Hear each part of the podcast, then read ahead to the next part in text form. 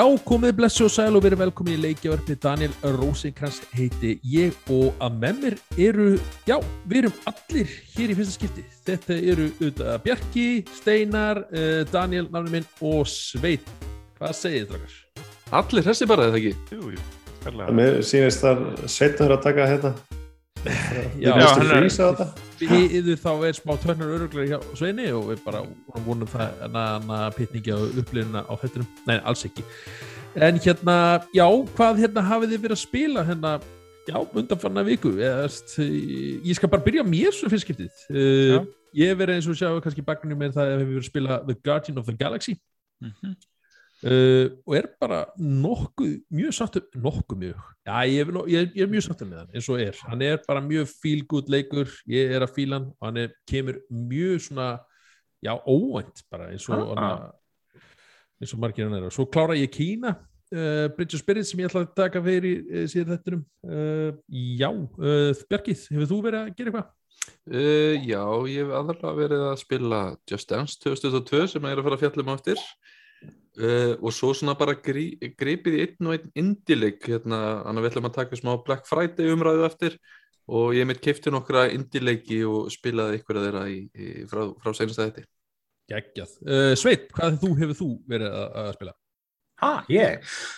Já, vá, ég, tæknileg hnjökkarnir uh, trublaði mér svo mikið að ég, já, vissi ekki hvað þetta segja á það. Uh, ég er búin að vera að spila smá Battlefield 2042 og aðeins að kíkja á það ásamt því að Vá, vákaði stóluð mér allt inn í allt gera. spila? Já, uh, já, spila svo mikið og mannstæk fútbolmann er alltaf gott svar fútbolmann Já, er alltaf gott svar en ég er enda búin að liggja mjög mikið í Horizon 5 Ok, geggjað, já. Mhm. Það er, við þannig að ætlum við að taka vonandi streymum hann bara allir saman bara, og það Mm. verður gaman að taka umræðinu við hana um leikin bara strax, Mm. svona í kjölfar þess. Uh, Steinar, þú hefur verið að spila eitthvað svona skemmtilegt eða ekki? Jú, ég hef búin að vera dalt í Pillars of Eternity 2 Ok, var einhverju tilbúði og búin að vera, já, það, það er alveg risastór heimur og maður fær alltaf fullt af DLC-um og viðbótum og alveg nóg að gera svo að ég, ég náði ekki að klára hann í einum rikk á hann ég fór að spila Cyberpunk Sannlega 2077 sem ég ætlaði aðeins að tala um líka á eftir geggjað. Mhm. á PlayStation 5 og svo hef ég líka verið að spila Dungeon Encounters frá Hmm. hann uh, Square Enix Já, ok og þetta er svona spes indie leikur Gegg, ég held ég hef ekki hýrt um hann, ég er kannski að kynna mér hann bara. Nei, ég, þetta er svona Já. þetta, þetta er mjög gamalt munið þetta er Dungeon Crawlers þar sem þú varst bara að fara hennar yfir 4x4 herbergi sko. Mm og þetta er, bara, þetta er bara risa dungeon en þetta er svo basic að þú sérð svona bara grid með fullt af litlum ferningum. Mm. það er nýtakerfi fyrir hvert, hverja einustu hæð. Þetta eru 99 hæðir. Já, ok. allar, allar með nýtakerfi og þú ert bara lítill kall að færa þig eftir þessu.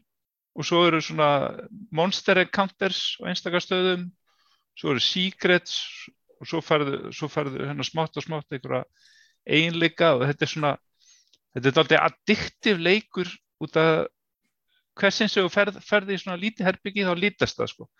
Og, er, og þetta eru 80.000 eitthvað herbyggi allt í allt. Wow. og þú ert, þú ert bara veist, þetta er svona eins og hálfgjörðu símalegur sko, þú ert að klára veist, að lita allt sko. þetta er eins Já, og já. að li, lita möppu í einhverjum leik sko. Já, maður fyrir svona ánægð við og, já, og þetta er svona þetta er svona róleguleg þetta er svona relaxing leikur sem að dunda þér við bara með að hlusta á tónlist eða eitthvað. það stundur gott á einhvern svona dútleik já. En þú Já, Daniel, hefur, hefur þú verið að spila eitthvað? Já.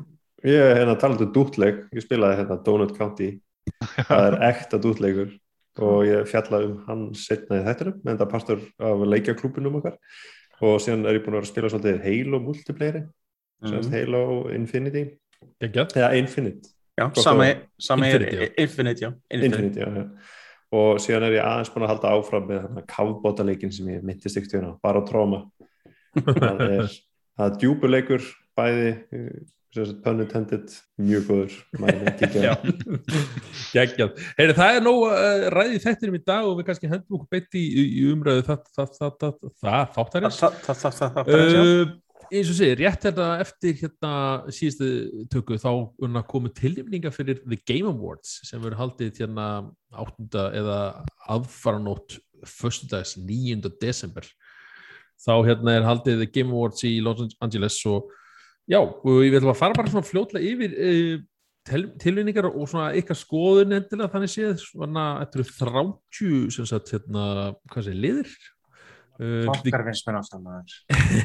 the game of the year game of the year, það er að segja leikur sem er tilnöndur leikur ásins við erum að tala um Deathloop, It Takes Two Metroid Dread, uh, Psychonauts 2 Ratchet and Clank og svo Resident Evil Village. Uh, finnst ykkur einhver leikur vantan að lista eða hvernig líst ykkur á svona yfir heldur Sackboy, vantar Sackboy. Hann var í fyrra Bjarki Það var Ég fyrir set- að vákvæði tími líður ég vil að sjá, að forsaðinni, sko. já ég var búin að, ég, það komir á að, að sjá Resident Evil hana, hann er kannski að, alveg vel skilju svo aðra leikir og ætla- leikurinn, ég er ekki endilega, ég myndi endilega að henni í Game of the Year flokkin, og sko. ég vil hérna nýta tækifærið hérna að hérna að hérna já, innilega til hamingjum með Vilhelm smári eða út að hlusta á þáttinn. Hann er myndir vinna fyrir Capcom hann að gegja það að hann sé að koma að fara á e, þannig pall. Heru, ég, við gleymum einu sem er svolítið hérna að því að engi búin að láta mig vita þessu. Við erum ásækjað kæra hlustendur Heru, það eru komin uh, styrtar aðilar í þáttinn.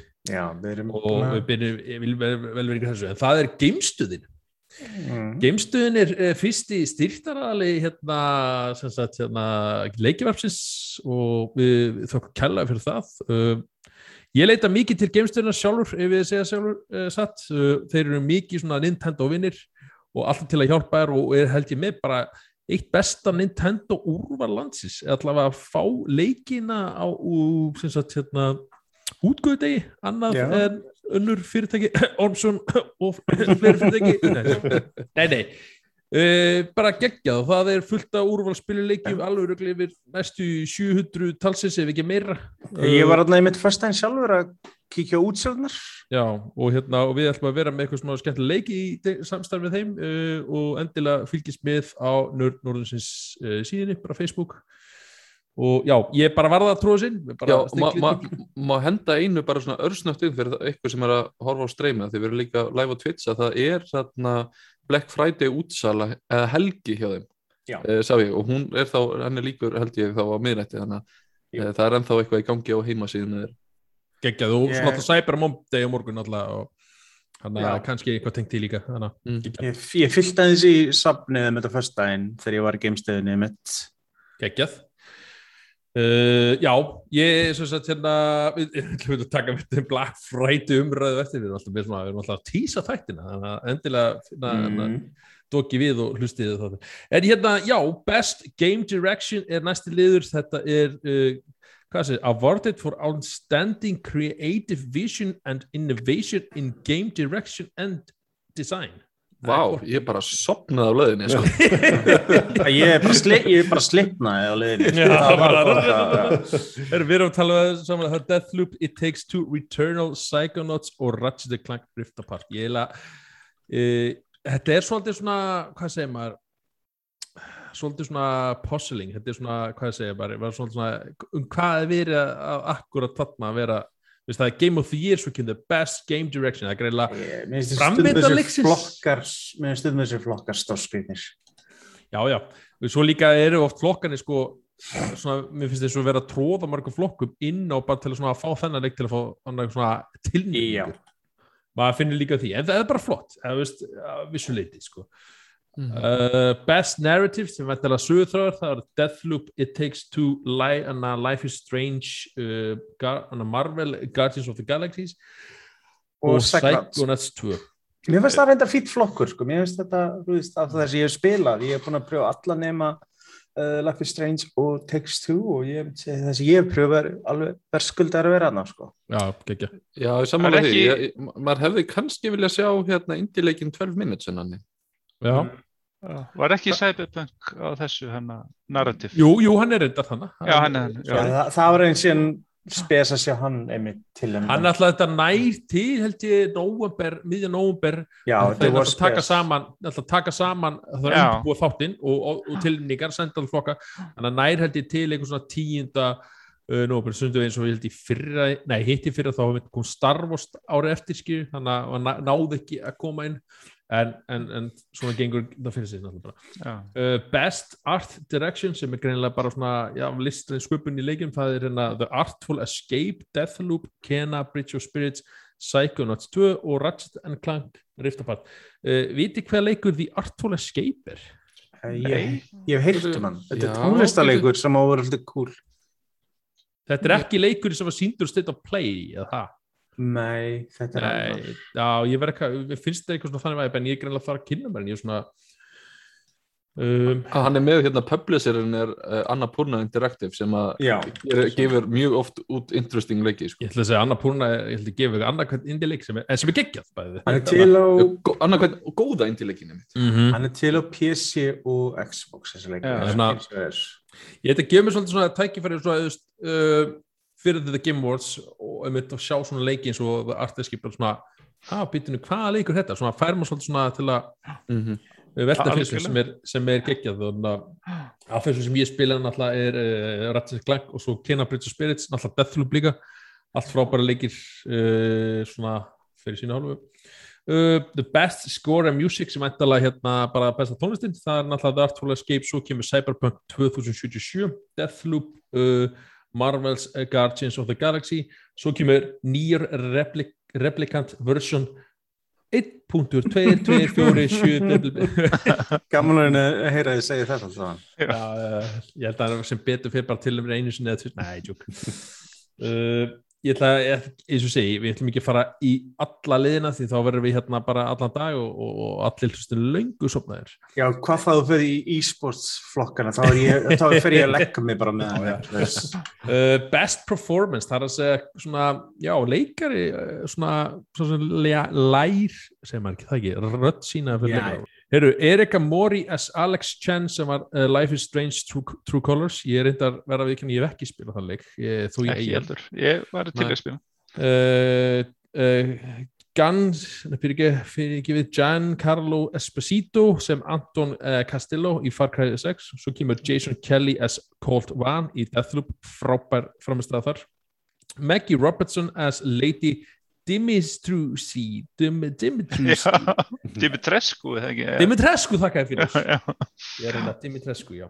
Uh, og svo hérna Osjama Akaka ásækið as Juliana Blake sem er líka frábær hérna, hérna leikur hjá henni í Deathloop ég finnst þetta samtalið á, á milli þess að tvekja Jasons og, og Osama í leiknum er frábært. Það er svona já, það gerir svolítið leiki. Maður svona er alltaf spenntur og sérstaklega sko hann er svona, þú ert svolítið mikið einn í honum.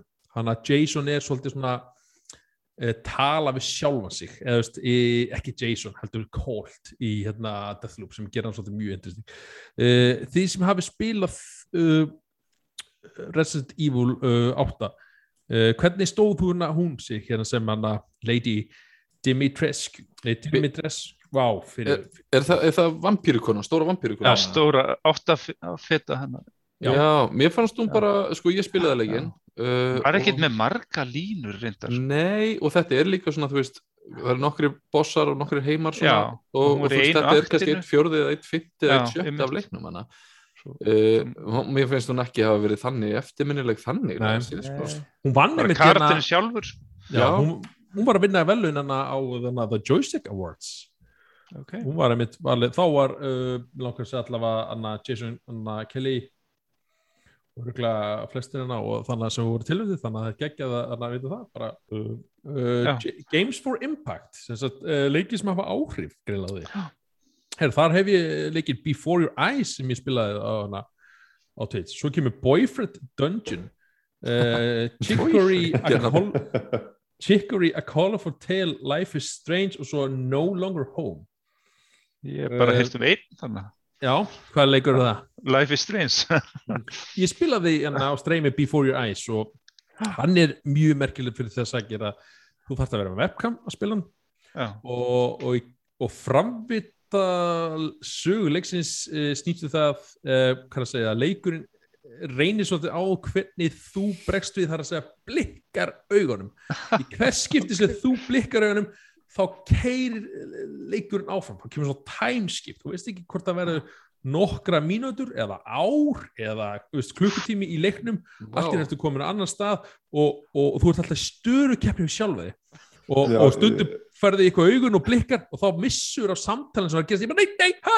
Ég var auðvitað geggjað. að horfa á þetta streymi þegar þú varst að streyma þetta var, al, þetta var briljant hvað þú varst alveg bara alveg að dreipast í augunum alveg staðandi ok, þetta er góð strímleikur sem... ég þarf eiginlega að gera það, ég þarf að streyfa hérna fyrir, bara á er hérna, því að ég hef ekki klárað og maður taka hann fyrir. Er Mér, finnst þessi flokkur mitt vera yfirleitt uppáhaldsflokkur minn, þessi Já. Games for Impact, því að þar koma svona rjómin af indileikjum oft sko. Akkurat og, og, og talandi um indileiki þá voru best indileiki þá kemur ég með þarna sem Bjarki nefndi 12 Minutes, Death Store Inscription, Kena Bridge of Spirits og Loop Hero uh, það sem veikum mig kannski svona mesta á, reyndar uh, tveir, ég ætla Death Stores, hann fekk hérna bara svakalega flotta viðtökur bara, hann kom fyrst á Game Pass og ný komin út held ég á Switch og, og PlayStation 5 uh, og svo Inscription, hann kom svona bara rétt upp fyrir Halloween og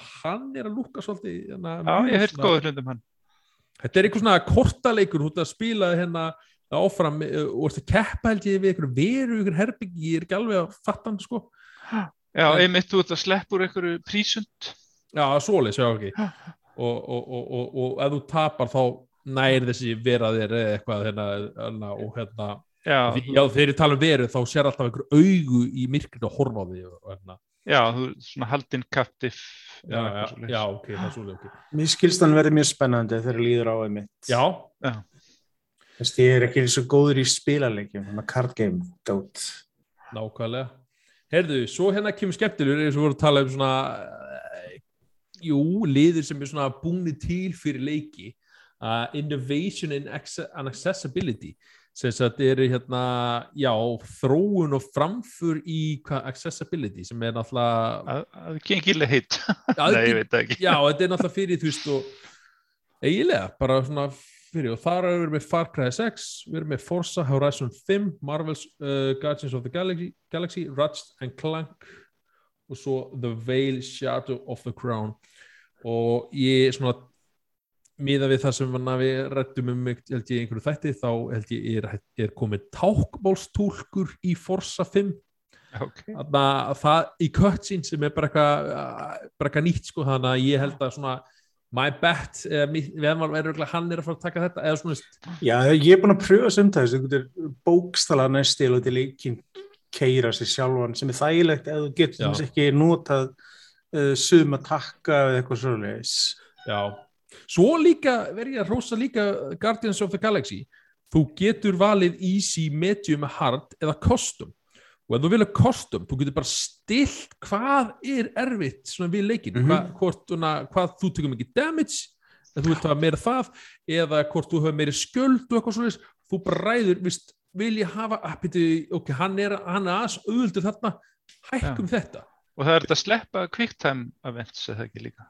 Uh, ábyggilega En margir leikir eru, Já. margir leikir eru með það með þetta autocomplete, mér finnst það voðaleg, ég set það sem í leikjum sem ég finnst svo leiðir þetta quick moments, að mér finnst ágætt að sleppa þið, maður persónulega. finnur það eftir, eftir, eftir, eftir með þess eldist þá er hann að vera að maður bara, já, Já, ég, ég er mjög ánæður að bara setja autocomplete á Já, persónulega. það- sko. Ég er bara með svona streyturöskun eftir kviktemi vendana við hvað þegar maður berjast við SUS Já, God of War God of War, 7. ó, vá, Já, já, Það er ég- eitthvað- Sama ég hér. held að sé- þetta var það hann maður, fann ég til í puttunum Það sem var leikjum bara- þegar maður var að hamra Það að var taka kveikt á tölvunum minn í tvo daga bara meðan ég var að reyna þetta sko.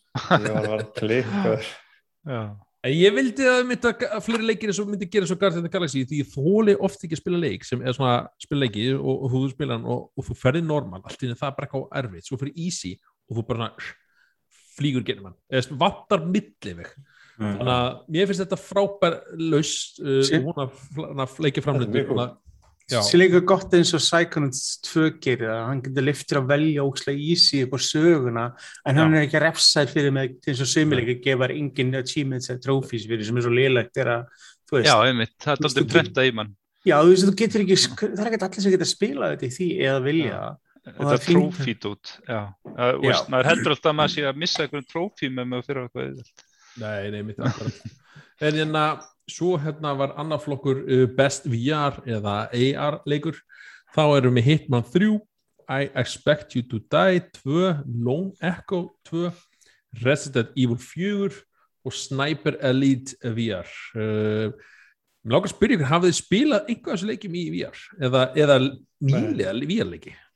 Nei, Nei, ég er orðin bara svona, pyrr, eða svona pyrringstímabili hvert VR að því að ég var svo hæpaður og svo náði ég að svona minka hæpi mitt og vera þólimóður og nú er ég búin að vera þólimóður og þetta er að gerast of hægt það er að segja eitthvað spennandi í VR heiminum þú veist að eða góða græjur fyrir fínan pening og fengi, gengið í gott leikjúrval þetta er eitthvað svona ennþá svona að gerast en þannig að ég hef ekki spilað neitt af þessu Þetta er eins og þessi allt í hlutum. byðstöð fyrir Vi- PlayStation VR 2 á mörgu leiti og þarna einhvern veginn er, er lítið að gerast eins og er.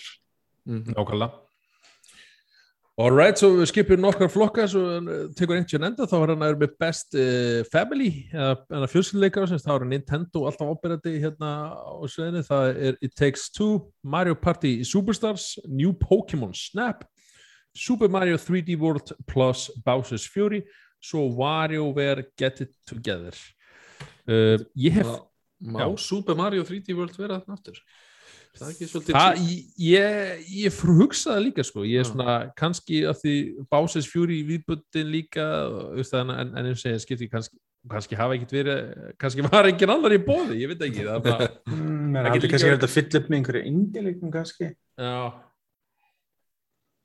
En Ég for myndi- the, þetta er já, Ég myndi ekki sko að Mario Party myndi taka þetta en ég held alveg með It Takes Two mér finnst hann gegn það sko. Ég myndi setja það in Takes Two eins og It Takes Two er nýtt original og meðan Super Mario Party er bara endurgerð af gamla Já. leik. ég, ég, Ég er að ég, um flokkin, þú veist, family game þá hugsa ég, er það ekki meira en tveggja manna? já, já það er bara svona, jú en, en, en ég veit ekki alveg hvað, eins og segja, ég ætla að lýsa the, for the best game appro- appropriate for family play and, a, and a irrespective of genre or platform þannig að þetta er bara svona já, Svo þessi erfitt flokkur að pinpointa Þú er, er þetta foreldrar og badn sem er 15 og 16 ára eða ertu með 5 og 6 ára gammal badn og þú veist, það er svona erfitt að segja Þetta er búið að loðið einhvern Já. veginn.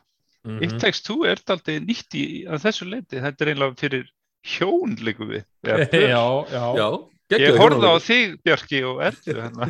það var mjög skemmtilegt. Þau eru ennþá að rífast síðan þá? Nei. Við erum ekki alltaf bara að spila síðan þá sko. En samt mjög góða leikur. Er hérna- best sim og strategy, það er þess að hermir og herrkenska, ég, ég spurði ykkur um þetta þannig flokka, því mér finnst svona, eins og segi, kemur best sim, þá kemur Age of Empire 4, Evil Genius 2, World Domination, Humankind, uh, Inscription og svo kemur Microsoft Flight Simulator. Sko, með þennan flokka því ég segi, best sim strategy, ok, ég verður að hugsa um besta her herrkensku, þá myndi ég kannski mögulega gíska á uh, Age of Empire, en simleikur, það Það minnst þetta svo ólíkt. Er Microsoft ætti að vera sikur flokkurinn. að eiginlega, að því sko þetta svona, hana, Microsoft Flight Simulator er, er, er simleikur og það ha, ekki strategy, ekki svo veit nákvæmlega, þetta er svona, já Þú veist, ef þetta væri bara strategileikur þá myndi ég segja It's Empire 4 eða Humankind. Ef Já, þetta væri sim þá myndi ég allan daginn vilja Microsoft Flight Simulator. Þessu er ég sett, sett ég þetta flokku í svona limbo og, og það er svo gaman því að við hérna erum alltaf með veðmál svona veðmálaleik svona einu svo ári uh, tengt þessu. Þannig að þessu erum við mikið að pæla í þessu í ár alveg staklega uh, við gefum úr þannig að þetta er, já uh, svo kemur bestu multiplayer þá er, við erum með Back 4 Blood Knockout City, It Takes Two Monster Hunter Rise, New World og Valheim. Geggjað uh, de, svo kemur hérna best debut indie, sem debut er okkur svona Besti nýji Já. Eitthvað nýtt fyrirtæki akkurat, akkurat, jú, jú Já. best, uh, for the best debut game created by a new independent studio. Já, Nákvæmlega, ok, þetta nákvæmlega. er svona frumri svona þeir, ok, geggjað Já, þá eru það Artful Escape uh, The Forgotten City Kena Bridge of Spirits Sable og svo Valheim. Og já ég er Ég svona er búin að pröfa að þrjá að þessum fimm, sko, svona, já. Mér, mér fannst farið að mér tala mjög mikið um Valheim á sínum tíma og svo fannst mér að detta svolítið hratt veginn. það var kertið sem brann rosa hratt. Þetta, ég spilaði hann alveg slattað með nokkru vinnum mínum og við vorum með bara fína server og alveg að fullu og ég held að einhvern bjóst veginn enginn voru- við að myndi ná svona miklu vinsaldum svona snemma og ég held að leikjaframöldi greið var enginn vinn undirbúin undir Þetta Nei, er er það að meina að leikjaheimurinn hafi bara ekki upp á meira að bjóða en þetta? Hann nei, bara- hann, þau kláraði og, og það var svona þetta er svona nokkuð bæjum þetta er svona Já. uh, skóur og eðimörk og, og hérna, mýri og eitthvað. Og síðan var svona svæði sem var ekki hægt að fara inn í, það var bara svona kongulega við fyrr en þeir eru tildilega nýbúin að opna fyrir það. Ég held að þetta sé leikur sem hefur mikið potential í framtíðinni. já, algjörlega. Og, en já, eins og segi, þetta einsing Forgotten City, þetta er umvel endur gera mod fyrir Skyrim, þetta er mjög góð mod en mér langar um þetta að spila Kína sem Daniel Rosengrens er búin að spila. En ég er aðeins með að pröfa Sable mér finnst arstillin hún er rosa flottur. Já ég þarf að gefa hann séns. Ég, ég þarf að prófa hann, að hann er til að Game Pass eða ekki? Jep, Game Pass á PC og Xbox. Geggjað. Uh, já, svo hérna kemur bara að fara í síðasta flokkin þá kemur Most Anticipated Game sem er bara svona hvað, leikur sem að hlakkar mest til já, mest eftir, tekin eftir Já, þakka fyrir. Uh, þá erum við Elden Ring, við erum með God of War Ragnarök, við erum með Horizon uh, Forbidden West, The Sequel to The Legend of Zelda Breath of the Wild og Starfield. Uh, e, Bjarki, er einhver leikur sem þú býður mest betur á þessum eða einhver annar leikur sem þú hefði viljað sjá á listan? Mm, mér finnst þetta bara mjög stór og öflugur listi sko. Ég held að sé ekki einn svona rétt val um að pæla í þetta svona, Nei, þetta er svona hvað er þú spenntu fyrir meira?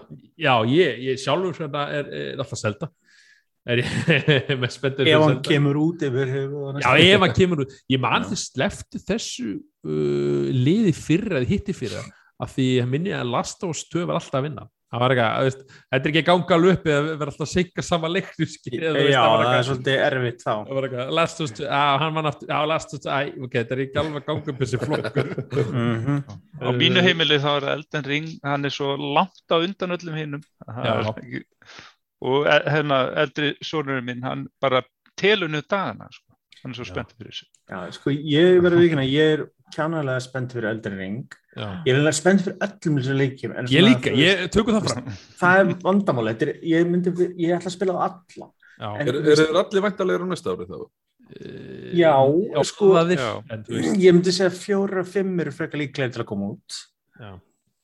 En þannig að, ég ég, ég held að Starfield er mest að potentiali fyrir mér, bara, Já. þú veist, hvernig leiki ég hef gaman af, þú veist, ég er held einhvern veginn að bæði Horizon Forbidden West og God of War og Zelda vera svona pínu þekktari Mhm. dæmi, en ég fór til að sjá hvað eldri engar gera það, er svolítið nýtt svona, ný nálgun á þessu.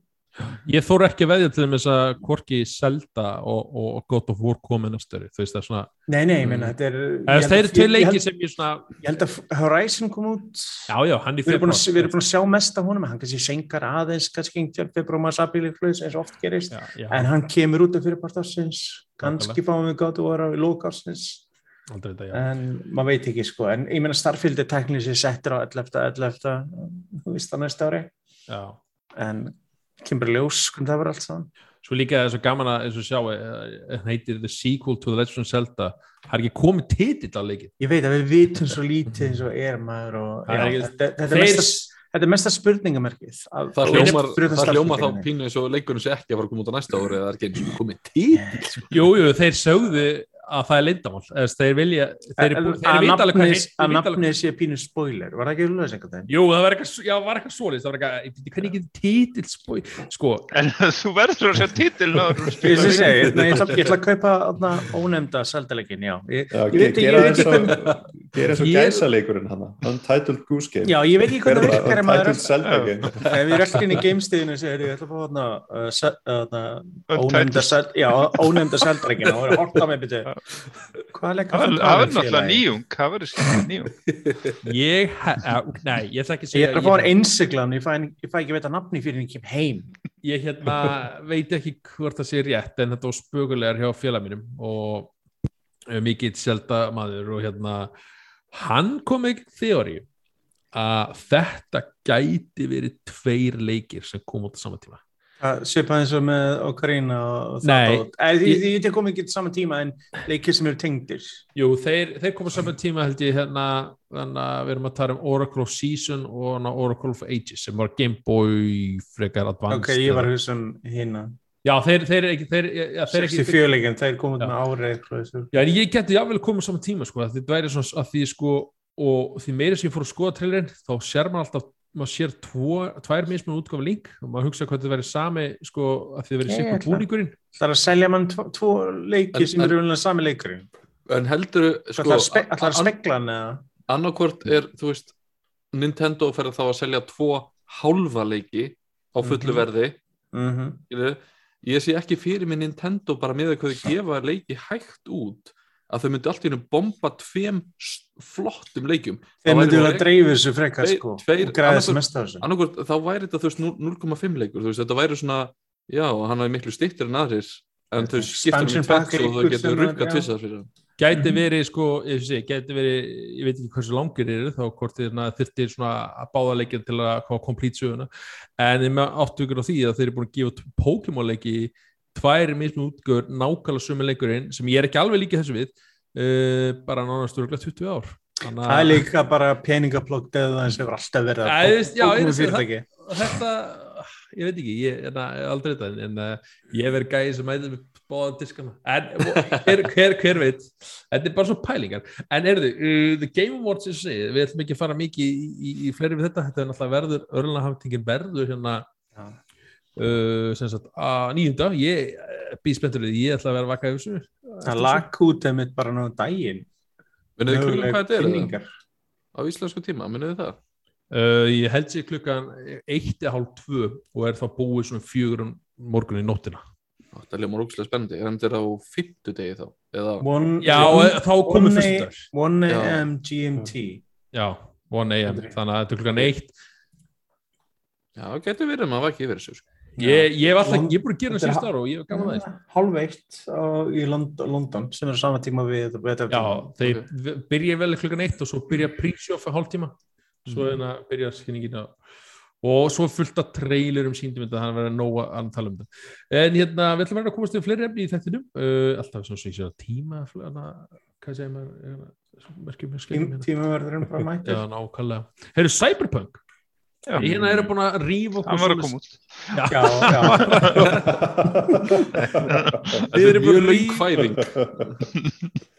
við erum bara að rífa og hakka honum svoleiðis í okkur Já. en, en Steinar, hann hérna er búin að vera rosa fórhundin upp á síkasti og hvað skella sér á gripin Já. þannig að okkur langar að spyrja hvernig er að spila Cyberpunk á þessu tíma og, og hver er því, já, hver er upplöðin þín núna og er búið að bæta eitthvað Já, sko, hérna, þetta byrjaði á því að ég- hérna, ég fekk hann á Black Friday tilbúi og annars hefði ég ekki verið að kaupa hana. Ég held að hann að verið 25 eurur eða eitthvað svo leiðis. Þú voru ekki alveg að fara með það.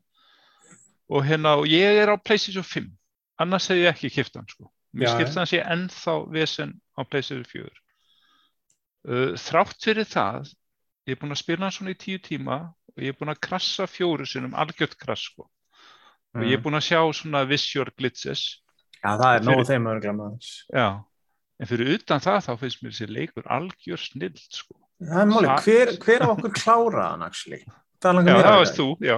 Já, ég er einhend ég okkur sem kláraði alla leikinn, skilur. Já, ég hefði gefist upp sko. ef, Já, ég ég- bara, ef ég er að finna brota þessu vesinni sko, ég er á PlayStation 5 ári eftir eru vantilega búin að leiða þetta heilan hett Eh, Kom ég er samt, svona samt að krassa sko. Já, Sko, ég veit ekki, ég, ég heyrði sko, bróður minn spilaði mitt uh, PlayStation 4 útgáðan PlayStation 5 í fyrra sand og hann kláraði hann einmitt og hann var einmitt að lendi ótrúl krössum. Ég Já. spilaði hann á Xbox Series X og uh, hann kerði, veist, hann, hann krassaði, jú, og þú veist, ótrúl glitchar, en hann einhvern veginn samt krassaði ekki eins oft eins og bróður minn var alltaf að tala um. Já, Og það var þegar leikunum kom út, það var desember í fyrra. já Ég þeir fór utan eitthvað að- búin að laga það. Ég fór út að testa núna og ég er enda með PlayStation útgöndi samanbyrða sem ég get einhvern á hann en Já, hann er spilanlegu núna það er málið, en það er góður leikur Já. undir þessu, það er málið hann er bara, það er bara að nota quick save alltaf oft sko. Já, og þá ertu góður sko, við þessi Nei, kross en, það er- en Hvað ertu búin að hvað ertu búin að spila hann cirka lengi, við- svona bara cirka svona tíu tíma eitthvað svo leiðis og, og, Og- og og ég, bara, ég man sko það er sjaldan verið svona góð saga sko, hún algjörlega s- sökk mig og svo er eitthvað svona tvist sem gerist nokkuð fljótlega í leiknum og það er algjör snilt og þá er sko kynntu til sögunar hann að Keanu, hann að Johnny já, Silverhand, Johnny Já. Silverhand, já.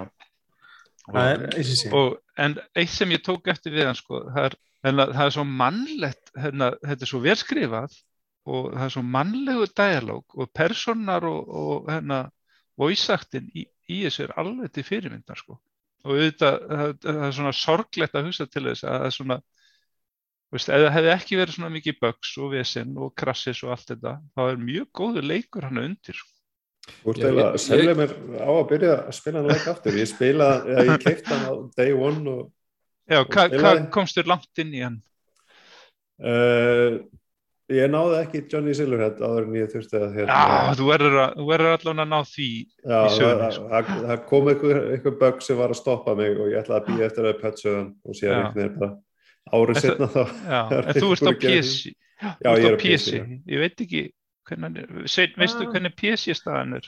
Hún er, sko það er þetta glitchar en þú getur minnskosti með performance issues getur þú, þú ert með nú kraft mikið hardware getur þú keirt framhjá slatta þessu Já, sko. ég held að hún sé áberandi best Já, hún er Já. ábærandi best og ég held að Xbox-gáðan sé næst best Já. og ég held að PlayStation-gáðan hafi verið svona þjáðust mest sérstaklega standard PlayStation 4-gáðan, hún er held ég lögust, en ef við viljum tala um original, original Xbox One en ég segi, þetta er þessi virði að spila en leik, ég má hvað- að segja það En, en Steinar, því þú ert nú svona alveg fresh inn í þessu, þú veist, þú veist Já. ekki að spila leikinn, þú, þú veist í svona svipari pælingu og ég, ekki, að þú veist, þú ætlaðir að býða eftir að það væri svona Já. að laga leikina en svo, svo kemur Já. þessi svarti föstudagur og, og Já, hérna, og eitthvað. mér, mér skilst að ég fái fría PS5 hennar Já, Já, það finnst mér nefnilega svolítið áhugavert, en það er, þarna, sem að mér langar að forvitnast er, þú veist, finnst þér hann, myndir að ráðleggja öðrum sem hafa ekki spilað hann að, þú veist, uh, hoppa á hann, að ef hann er á góðum díl, eða myndir þú segja, heyrðu bara, nei, bara býða lengur.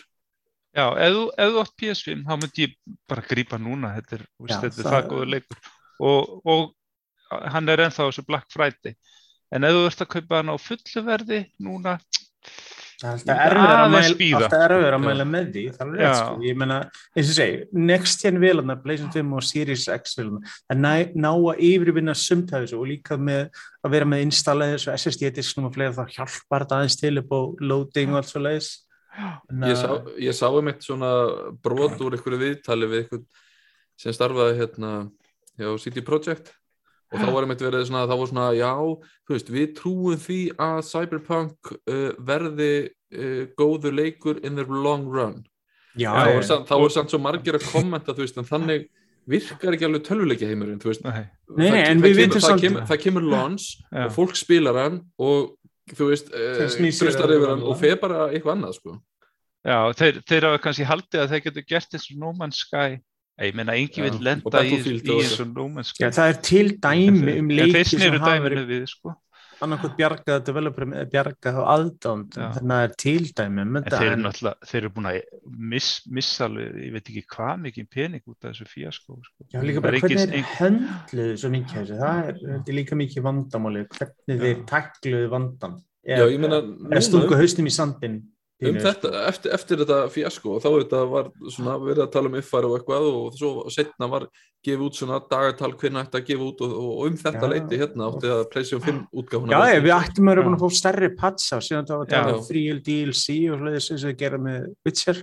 Ég, meni, ég held að komi allt saman en ég held að bæði út af COVID auðvitað búin að ruggla í öllu og hefur áhrif áhrif á þá en ég ætla ekki að fyrirgefa þeim með hvernig líka út leikin út af COVID ef, þeir, hefðu- við, ef það hefur verið málið þá hefur bara átt að senka leikum áfram Já. Mm. en, en aðalpunkturinn minn var sko að það er sko það er glæsilega leikur hann undir sko. það sem ég segi, það er ef þú ert tilbúin, ég meni og vel skrifaður og, Já, ég meni, ég, ég kláraði hann og það var vegna þess að ég langaði að sjá hvernig hann færi. Ég var alveg tilbúin að spila í gegnum ímsa þess að ég mér langaði að sjá allt saman þess að ég var mér spenntur fyrir þessum heimi.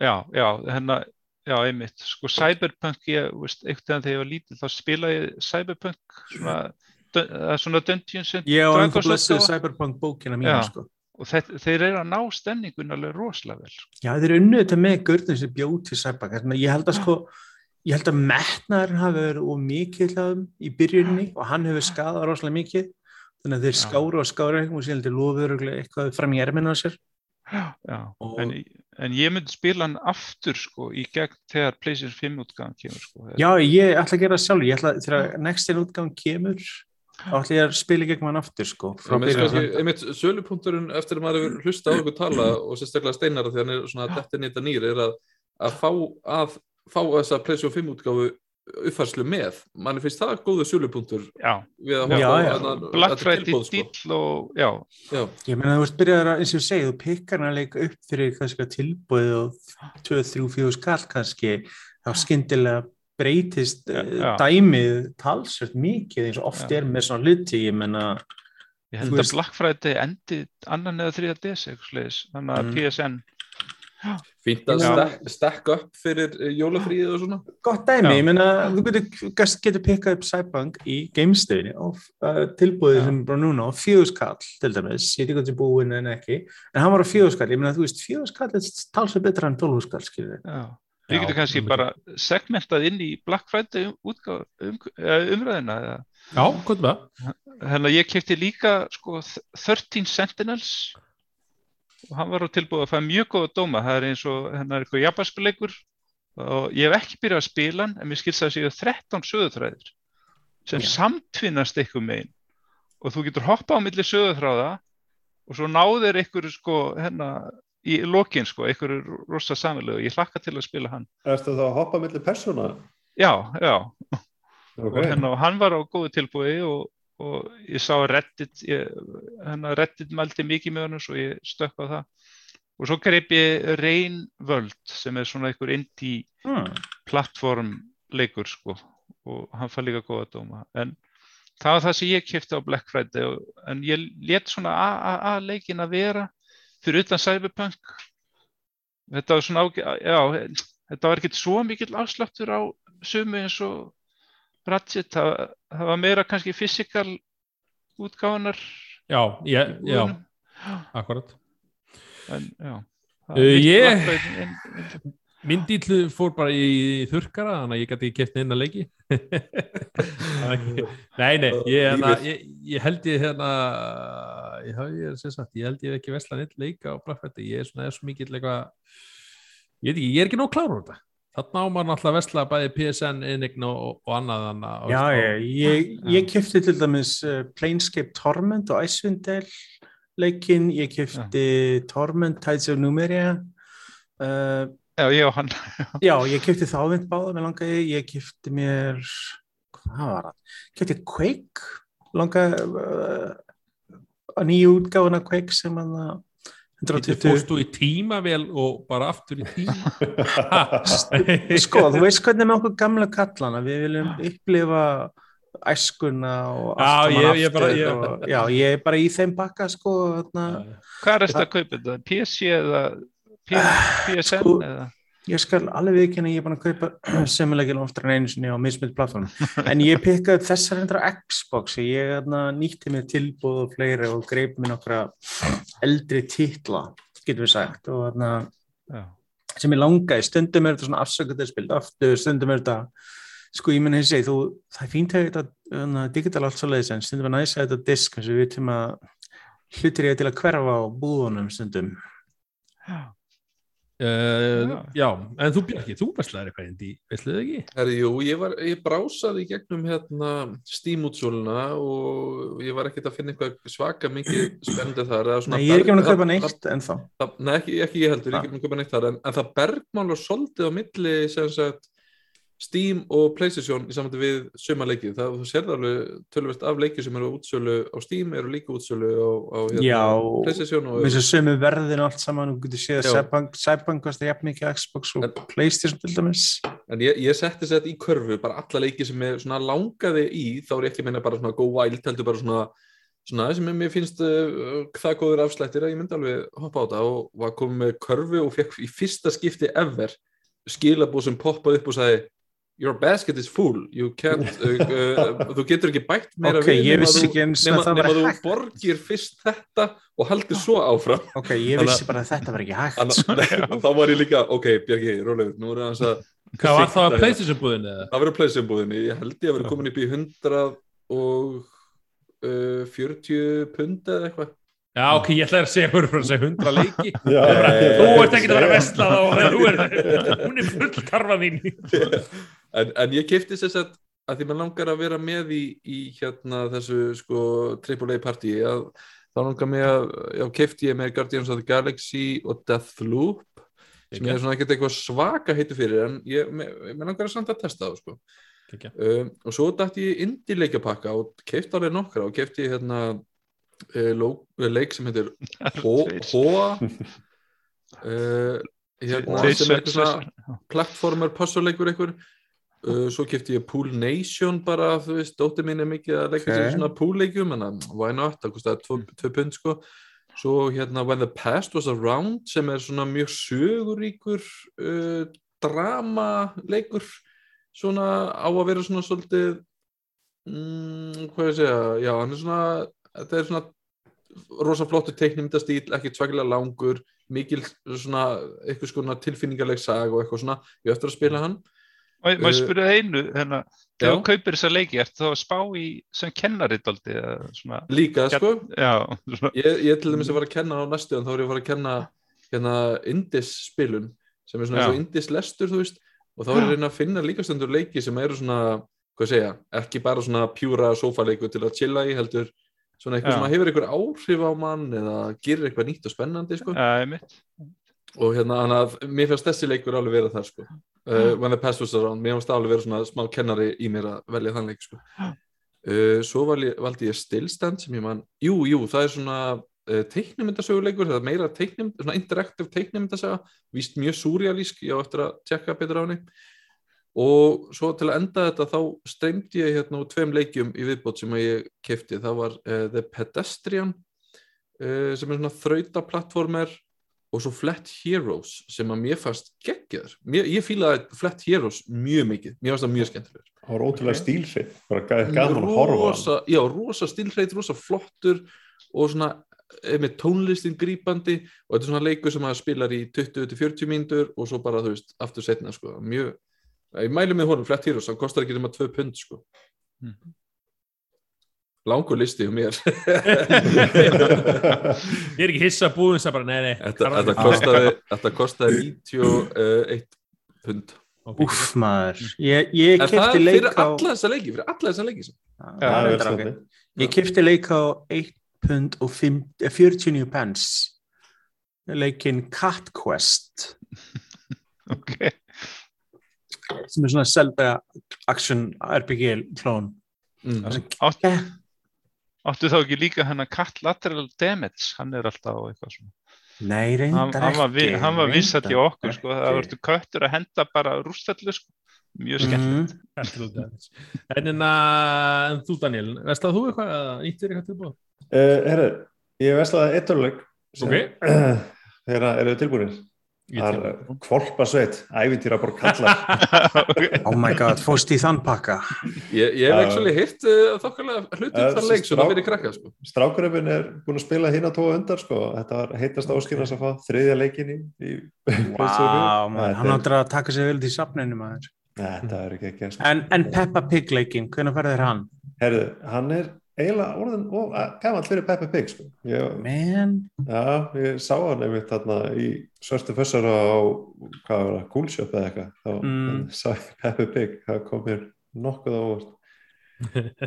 Það var já, en, en það, já, þetta var stutt innlit hjá mér en ég uh, á eftir að fara yfir hérna Steam Þetta- já, þetta er ekki búið, útsöluna. Já, þetta er ekki búið þetta er svo fyndið, þetta er svona svartu fössari þetta byrjar á mánudegi, alla vikuna síðan bara, heyrðu, höfum alla helgina sem kemur mánudagur, Cyber Monday já, helst að það var búið, ekki séns. Svo svo, svo, svo, svo, svo, koma, svo jólin og þau bara hýfut upp að því þú veist, what are you gonna do? Ætlar ekki að gefa mömmu þinn jólagjöf? Já, kefti þetta dýrt núna.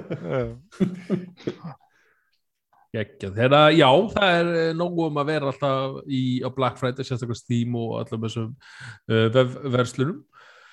Uh, já, ég kannski fer hérna yfir hérna Kína uh, samantækt, uh, ég tók aðeins fyrir umræðu hérna í síðstætti hérna Kína Bridge of Spirits og hérna var þá komin, já nokkuð áleisling, kannski svona tvo tíma í leikinleikin eða þrýr max og, og er núna búið með hann Uh, ég þarf að leiðrita, ég sagði að einhver ástæð sagði að þetta væri plattformleikur. Uh, hann er vissulega með plattform íva við, þú ert með svo double jump og hoppa milli silla og hér á hæri vinstri og eitthvað, en að sjálfsög er þetta svona þrývítar hasar leikur, þar að segja með svona action game. Uh, ég ætla bara svona, ég ætla ekki að tala mikið um hann, uh, nema það svona, bæta við þessum hann kannski helsta við að þegar hann, breyttis svolítið áleitið með þegar komin lengri leikin Uh, ég held svona, þegar ég tala um síðast þá var ég ekki komin einum endakall. Það eru jú vissulega svona endakallar í svona mittbossi sem við kalla það svona, þá, enna, þá eru svona já, endakallar með svona meira lífi en aðrir óvinnir en, en það er bara svona bundið við ákveð svæði en svo kemur svona stærri endakallar svo þetta kannski að nota hérna ör, örina eða beitinni svona bógaðin eitthvað hérna teknilegri heldur en við hýna óvinnina Uh, og já, þá allt í henni bara, kannski ekki með fyrsta endakallan en kannski tvö og þá allt í henni var erfiðleikastíks leiksins uh, bara tölvöld erfitt. Það er að segja ég tala um þetta að væri svona mjög einfaldi leikur, maður væri svona rúlega gennum mann svona... Þú talaði bara eins og lítill og sætir krútlega leikur einhvern veginn, sem breytt þetta bara eitthvað allt annað Já, ég held ég sendi ykkur að þegar ég kláraði leikin sendi ykkur púlsmæli og ég held að komur upp í 140 bara, ég var og þið bara, hvað er að gerast? Við höfum bara pælið hvað þið gæst sko. Já, nákvæmlega. Uh, ja, þetta er eitthvað svolítið, svo hérna en svo ef við þurfum að fá líða leik og þá byrja alltaf með endakallinu bara hvað heldur þú sért? Eitthvað svona. Og, og þá heldur þú að koma bara einhver Dark Souls en svona endakall þú ert svona dots út að ít og ringa fullu og forðast og svo þetta ít og ellit til að parja og, og ná ákveð höggónum og til að geta særtan og ef þú nærið ekki rétt þá tekur það sköldina þér og tekur meiri skað og þetta maður bara endalust svona eitthvað hérna og, hérna, og það gerist bara svona kannski svona, já, þegar fer að líða að svona sittni hutareksist, það er svona þegar þetta er skipt þess að þetta í þrjú svæði. Þú ert hérna, hérna að skýrnast inn í hérna sem ég sagði verið, þú ert svona hérna the spirit guide uh, guide þú ert svona leiðsjöga hérna uh, sagt hérna svona vo, ekki vo, sálir eitthvað slúðis, bara þau eru svona týnda sálir sem hafa týnst og hafa ekki komist í gegnum svona eins og við kalla voðana miklu eða þú veist hafi e, dáið og vilst á leðinni og hafi ekki komið á endastuðina þar að segja e, rest in peace ef maður segja það. Og þú ert svona að finna þær og, og þær tíndu sáli sem verða eftir e, þær er svona segja breytast, umtörnast og, og verða svona vondar eða svatti þá er við að vilst að leið og, og þú ert svona að ganga frá þeim einhvern veginn og eða veist og, og etna, eða taka í burtu eða illa sem hefur svona hann að komið inn og, og þann, þannig getur veikt þessum sálum fríð þar og þau komast hann að yfir. Uh, eins og, já, eins og segi þegar fóru að líða á, á setjum hlutuleiksis og þá uh, búin að taka hann alltaf fram á endakallinu eru bara tölvöld erörir, ég fór að deyja allt eru bara fóru kannski tvísver í endakallinu ég veldi yfir í tíu sinum og, og það var bara, já, já, og ég, ég takaði fram að ég var að spila leikin normal uh, erfiðleikasti.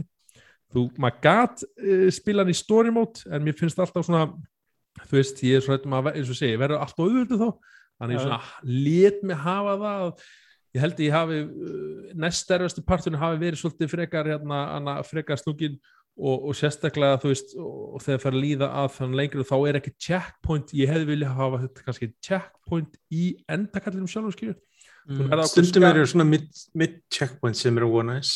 Já, ég, já og, og, og gaman ef leiki getur svona, svona að kemur valmuleikum fyrir það eins og þarna eins og þarna, veist, veist þú tók skada á endakallinum svo ferði an, annað face eða þú veist svona aðra lótu í endakallinum og, og þá óttu kannski að drepa kannski svona segjum bara tíu littlófinni og svo kemur endurkallin aftur eða, og, og, og, og svo deyri aftur því þá er þetta að gera allt upp og nýtt. Það er rosa darksólslegt, þetta er ónskóla darksól Það er leiðilegt í leikum þegar þetta er svona að endur taka Það fyrir algjörlega að vera darksóls og bara við fyrir að skoða rettitumræðin að fólk var bara að lofsumuleik að þetta er, þetta er frábær leikur á mörguleiti ótrúfallu, bara fallast leikur svona eða þannig sé svona umhverfileg sé bara í, á þessu, hana, hana, þessu ári sem ég spila fyrir utan hana, að mínum er Ratchis Clank sem er svona alltaf bara svona listrætt svona teiknilegur ykkur svona 4K þú veist. Mm. þá fannst mér það bara ó, eins og ótrúlega falleg saga hlý og með, bara með þykjum væntum personar og, og, og tala ekki um þessar litlu verur sem að fylgja út um allt og, og, krútlet og allt sama krútlet öðurleik svo kemur endakallin og þú er bara uh, þú veist, ég, eins og segja þá getur maður að spila því hérna í hérna, víst, lækkar í easy mode ef, ef það er svo, og auðvitað hverju náttúrulega fólk til að gera það. Það er aldrei verið að skömma að lækka erfiðleikast eða eitthvað um, já, ég Hjartakonni, normal, maður hlýtur nú, við erum, ge- við erum gamers. En það, það er líka eitthvað svona ekstra erfitt við þetta því þetta er eins og eftir umræðina seinast þú veist, grafíkin er eitthvað svo cute og er svo fallegur heimur og þú einmitt varst að lýsa já, Hvað er það eins og þetta setni sam- parturinn í Gremlings? Það breytist líkli Já, það væri svona samræmi mitt við þetta og svo allt í henni bara BOOM Já, akkurat. Ég hérna, uh, ég mæla alveg með þessu leik, þar sem ef, ef fólk hefur svona langar að prófa nýtt og hefur gaman á svona ævintýri og, og virkilega fallum leik og, og þá mæla ég með hann og, og, eins og segi, ég held að kosti mitt einhverja 40 dólar eða 50 dólar og, ef það eru mikið þá endel býðið til næstu útsölu eitthvað og bara tjekka á hann og ég spilaði mitt um að PlayStation 5 útgáðana, hann til á Epic Game Store á PC og, og ég ætla ekki, já og ég ætla ekki, svona, og svo komið Platinum trófi þá átt að vinna leikin í erfesta sem opnast fyrir þegar þú ert búin að vinna leikin ég ákvað að prófa það aðeins. ég pr- ákvað að prófa það aðeins og, og, og, sjá hversu glátt ég kemi ég festist í mitt boss ég komst ekki að endakallinum þannig að ég bara, já, nei. Þannig að ég ætla að játa mig eh, já, ég, ég sigraði þar ég anda, hef annað við en að gera við þennan Það eru bara svo margir tíma í sólringnum og maður bara þarf að vita hvennar á að hætta. Og eins og sé, fólk var mjög dáast á reddit voru að tala með þess hvernig væri svona eitt fallileikur og, og, og, og koma óvart. Þetta væri bara allir komið Shikiro hérna hana, hana, spilun og, perri og bara, veist, bara ó, allir komið svo Souls fílingu sem fólk uh, veist, vissulega elskar einhvern tím en þetta gæti verið eitthvað leikur fyrir steinar.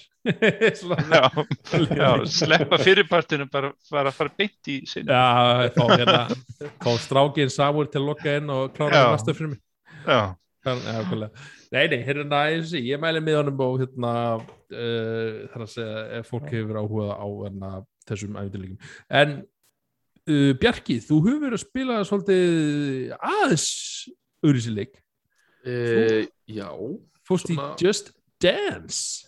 akkurat Just Dance Já, Sko, ég verða að viðkenna að ég var leitt þessum leikjum ákveðnu svona hortnauga hérna fyrir, fyrir ekki mörgum árum þegar maður var hérna bara að spila svona innan gæsa leppa alvöru leiki eins og maður sagði sko. Uh, en svo, þú veist, verður maður pappi og þú veist, það breytist ímislegt og, og ég kifti ykkur tíman, ég man ekki, Just Dance 2018 eða 17 eða eitthvað og uh, það eru bara fáið leiki sem að hafa einhvern veginn að svona heilla alla í fjölskyldinu einhvern veginn, meira að segja bumbupappan sko og hérna, hann að ég kifti 2017, 18, svo 2019 og svo hef ég ekkert uh, snert á þessu.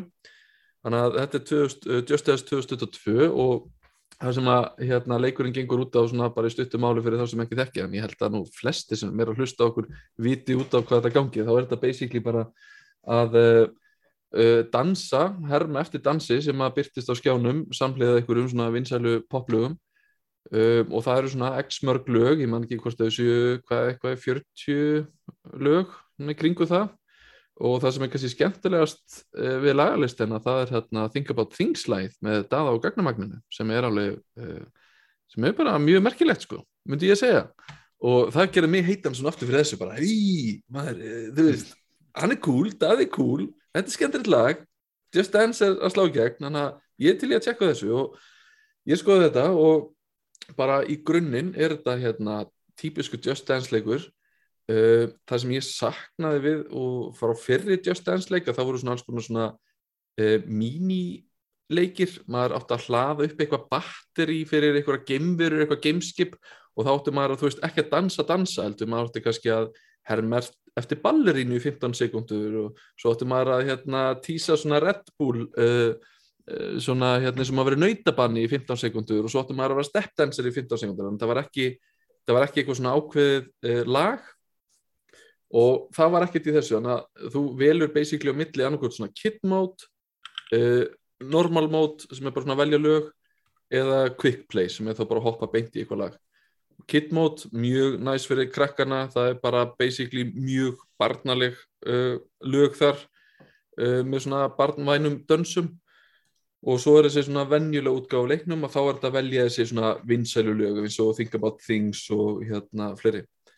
Um, og hérna það sem að þannig að það eru þrjá, þrjár leiðir til að láta leikin skinja reyfingarnar það er að annars vegar að nota hérna sækja app í símaðin og þú þarfst þá að halda á símanum á meðan og sveiplunum hérna, búm, búm, búm, búm þú veist, hei, passaði sjónvarpið dæmi.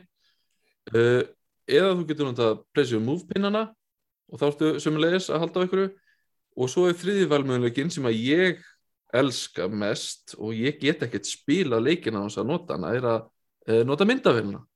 Vegna þess að bæði þú ert ekki að vesenast með neitt í höndunum og uh, það tekur upp svona skemmtileg replay eftir á. Tók ég mitt eftir því að, hérna, að það er ekki eftir að, það er ekki vistu replay eftir mode ég veit ekki hvort að sjúta einhverju uh, Já. svona lögum um persónavendi eða eitthvað Já, það, getur mega sens þegar þú segir. Krakkarnir mínir alveg elska að horfa á þessi replay þegar við erum búin að vera að dansa. Já, akkurat, það er mjög gaman að horfa á þetta. En það er sett svona replay eftir þetta svona ef maður múta vemmyndamil en þá kemur bara svona mind-blowing what the hell Ubisoft? Vegna þess að þú veist uh, Just Dance er bara ný komin út og uh, hann supportar ekki hann að auðvitað PlayStation 5 útgáfuna þá supportar hann ekki PlayStation 5 myndavélina Það er ókslega skrítið. uh, ef þú, þú keftir PlayStation 4 mynd, uh, útgáfuna og spilar hann á PlayStation 4 þá getur nota PlayStation 4 myndavélina og eins og í mínu tilfelli þá er ég með PlayStation 4 útgáfuna af Just Dance spila hana á PlayStation 5 nota svona extender eða svona millistykki til að tengja PlayStation 5 við PlayStation 4 myndavélina og þá virka myndavél. Já, svona, þannig að ef þú ætlar að spila með myndavél á PlayStation 5 verður að kaupa PlayStation 4 útgáfuna og eiga millistykki til að nota PlayStation 4 myndavélina af því að hún supportar ekki PlayStation 5 myndavélina og þetta er einmitt svona svona varta helmaður, gáttu ekki Meðan, akkur er það Sony að selja myndavil sem er ekki stutt Sko, ég hef ekki Er- kafað djúft í þetta en mér skils að þetta tengist því að það sé ekki komið þetta dæmi með VR dæmi þannig að myndavélin, PlayStation 5 myndavélin skils mér í dag er bara pjúra vefmyndavél. Á með PlayStation 4 myndavélin það er búið að prógramana þannig og uppdætina þannig að hún skinji meira svona eins og dýft og svona meira svona sem að tengist PlayStation VR dæmina Já, hún er líka með tvær linsur eða ekki, þannig að þá Jú. getur hún, þú veist, reiknað út Jú, sem sagt vektorina og dreiftina og eitthvað akkurat. Þarf við mitt fyrir reyfingar og VR og allt svoleiðis. svona. ég, ég, ég, ég held að PlayStation 5 sé líka með tværninsur Já, Ég- Það er náttúrulega ekki svona langt í burtu eða eitthvað en ég veit ekki, Nei, mér ég- finnst já. það það samt er skrítið því spurning að hvort að Ubisoft er bara eftir að, er með ekki tvær. góðan pats eða eitthvað svona. Sem en- er hann að gastu, getur ekki spila PlayStation 5 útgöna á PlayStation 5 með PlayStation 5 mynd, vefmyndal Er það sem er það? Nei. Ok, ok og mér skilst, ég er þetta ekki með PlayStation 5 útgáfuna af leiknum en mér skilst út frá því sem ég las að ef þú kaupir PlayStation 5 útgáfuna þá getur þú ekki nota PlayStation 4 myndavélina Já, ok já. þá ertu bara, það er bara vestu útgáfan af því það er ekki eins og þetta það snúist um grafík eða eitthvað þú veist, Nei. þetta er bara eins í báðum tölunum sko. Akkurat Þetta er smá hausverkur En- En, já, já, hvað, hvað, hvað er endilega með spurningu ég ætla að segja Hvernig svona, þú veist, þú, þú spila uh, Just Dance núna kannski, hvað síðstlið hvað, 2-3 árin eða eitthvað. Uh, Er einhverja breytingar á milli ára eða er þetta bara sama, uppfærið lagalisti já, uppfærulega listi Þetta er svona eins og FIFA, bara nýr, nýr Já. búningar og leikmenn. komið aðeins meira svona 3D myndbönd í staðan fyrir bara alltaf sama svona flata uh, litríku myndböndin. Um, þannig að það sem að hérna, er hægt að gera líka í þessu sem að var ekki allavega 2019, ég veit að sleppt hérna á milli, er að þú getur farið hoppað í svona online, þannig að þú keft bara strax við einhvern online hóp þannig að ég bara smelt á það og allt í hennu var ég bara einn af einhverjum 150 þú sérð þá ekkert sko heldur þú sérð bara hvar þú ert staðsettur og það, maður ímynda sér með einhverja 150 einstaklinga hérna um allan heim bara að vera gatan og hérna, og sjá, og þú veist ég tók bara eitt lag og allt í nýr ég bara eitthvað, ég, gaurinn sem er ekki með moving í þú veist þriðja sæti yfir 160 manns í heiminum Úf, maður. Vistu, ég var bara svo stoltur af mér en svo fór ég að hugsa til smástund ætla að sé ekki stór hluti af þessu krakkar að þú veist, leika sér sko Ekki, ekki, ekki þú veist, skemma fyrir Þetta er rálega professional dansarar, það er rálega einhverju professional dansarar. ég, ég, að því mér er svo gaman að posta líka einhverju svona þegar við vorum að fjalla um leikið þá tók ég vídeo af mér, þú veist, ég var að spila og ég gati ekki posta því sko. það var bara ég held að fólk Ah. gerði bara blind sko. Þú, þú, þú, þú lifir bara okkur að sjá það í staðin þá. já, já. En, en ég er búin að ná fimm stjórnum í Think About Things Ei, og, og sko það er kannski líka veist að taka það fram að þetta er þetta er fyrst og fremst leikur þetta er ekki einhver svak alvar á bakvið eins og þau eru að nota myndavélina og þau eru að nota síman veist, það er stundum hægt bara þú veist, ég prófaði bara eitthvað að setja sér sófan og sveifla höndunum eða fara að gera eitthvað annað og maður færa alveg stundum bara hey super, hey perfect moves. Já, maður er ég ekki að taka að þátt sko. Já, en þú veist, þannig að þið er meira gert upp á gamanið bara sko. Nei, Þetta er eins og gamla singstar-dóti þar sem gæti rauninni bara svona, svona hækka og lækka rómin sko og það bara fyrst alltaf perfect pitch og eitthvað og maður bara, ég er falskara heldur um allt. Ég á ekki að vera að fá þetta. Þetta, þetta minnir mér mjög mikið á það mitt. Þetta er bara svona skemmtilegu partileikur sko. Þannig að fyrir fjölskyldi fólk þá er rosalega erfitt að mæla ekki með þessu. En til dæmis ég á uh, þryggjára að vera þryggjára, vera sex ára og svo hérna 13 ára. Og uh, ég myndi ekki vilja sjá þess að tvær yngstu vera að nota movepin að síma sko. þess vegna finnst mér verðmynd að vilja vera svo mikið möst sko ef þetta fyrir og Já, bara fyrir sjálfa mig, ég prófaði að nota símadæmið það Já. appið er ekkert að fá eitthvað superskor það er að fá þrjúkum eitthvað og það er fólk að kvart yfir því að þetta sé ekkert svaka nákvæmt Mm. Nei, bara- maður kannski nennir ekki að vera alltaf með síman eitthvað alltaf Nei, nákvæmlega. veist, Já. þannig að- já, ég, En- þetta er hm. ég er alveg, já, mælum með þessu fyrir fjölskyldu fólk en ég myndi þá alltaf alla daginn taka Playstation 4 útgáfuna en málið er að þú, getur ekki pluggað þeirri myndaður beint í Playstation 5 þú þarf að vera millistykki og eini, Mhm. eina leiðin til að fá millistykki er ef þú átt Playstation VR og tala við Sony og fær millistykki þar en ég sá að það er hægt að kaupa líka á Amazon en það kostar samt alveg einhverja 20 dólar og með að við mín senstu skiptu á Amazon þá kostar örugglega 150 dólar að senda það til Ísland. Þannig að þú veist, þetta er svolítið flókið vesen sko, en ef þú ert með PlayStation 4 tölvu þá ertu solid. Akkurat play, Skrítið að last gen útgáðan er betri en next gen útgáðan. Já, PlayStation 5 kameran er ekki að tracka motion það getur verið eins og segja Já, það er eitthvað svoleiðis dæmi í gangi þá eftir gæti að, verið eftir uppfara sko eins og margt já, annan PlayStation 5, kemur. PlayStation VR 2 þá ætti það að dettin sko. Já, hugsa, já, en, Já. já. spurninga Já, en þannig að þetta er eh, vist, eitthvað sem Ubisoft bara get ekki bætt við af því þið hef ekki mögulegin í það sko. það er að segja en, Það var sérstaklega ef að vandin líkur hjá Sony. mælirðu með eitthvað sem, sem, sem hefur ekki kíkt á leikina eða, bara, eða hefur áður að, að kaupa þessa útgáð Just Dance? Já, alveg hygglust, mér finnst þetta að vera pínu svona, veist, af því að Think About Things er að næni, þá finnst mér þetta að vera ekstra eigulegu gripur, sko. Já, ég samála því. Uh, en hérna, þú veist, ég meina að sjálfsögður ykkur í hardcore Warzone uh, manneskjur ekkert að fara að skemmta sig kannski mikið í þessu eða eitthvað. En frábær fjölskylduleikur þú veist, Já, eh, bara sem dæmi, þú veist ég meina, ég var að fara í matabóð á þann sýsti mín átti amali og ég var eitthvað svona, hei, ég er að að tala um Just Dance í kvöld er ég ætla að hoppa og taka hérna tvö lög og tók tvö lög og þú veist og maður, ég þurfti að þú veist að vera styrtu eftir á. Maður bara, ok, já þú veist, þetta er bara fín líka bara svona líkans reyfing sko. Já, Ég það er líka að sé- gaman að þessa leiki það er að stilla á svona kalorímót og þá að svona áætlar hann svona að þessi dans veist, Mm. er svona á þessu bíli sko, að brenna svona marga kaloríur Akkurat, ég held að þú sért búin að selja mér leik sko. ég er hann að að prófa með dóttur minni bara, þannig að verður gaman að ég, sá, ég held að hann sé útsölu núna Já, ég kikið það. En hérna Battlefield uh, 2042 uh, fyrir mig aðeins harkjarna leiki, nei. Þetta, Fyrstu persónu skotleika. Ég hérna hef ekki spilað en, en, en að Sveitni búin að vera þessi grannsverðin, það ekki rétt. Mm. Og, og, og, og kannski þú Daniel eða eitthvað, eða varstu bara betur? Uh, já, ég, var, ég var bara í betunni, ég er ekki að það búin að leggja að kaupa fullaleikin bara með að hvað, eh, hvað maður að segja, bara Já. reviews og vittlesu og ég kannski bara aðeins að halda Já. halda veskinu hjá mér sko. Já, já, þannig að þú voru að lega okkur Ah. genið um sveit. Uh, já, á, engin pressaði neitt svo leiðis. Skyndilega, á, ég neti mitt í þetta út. Nei, búa. Uh, já, Þú eru eh, bara auðlýsingar.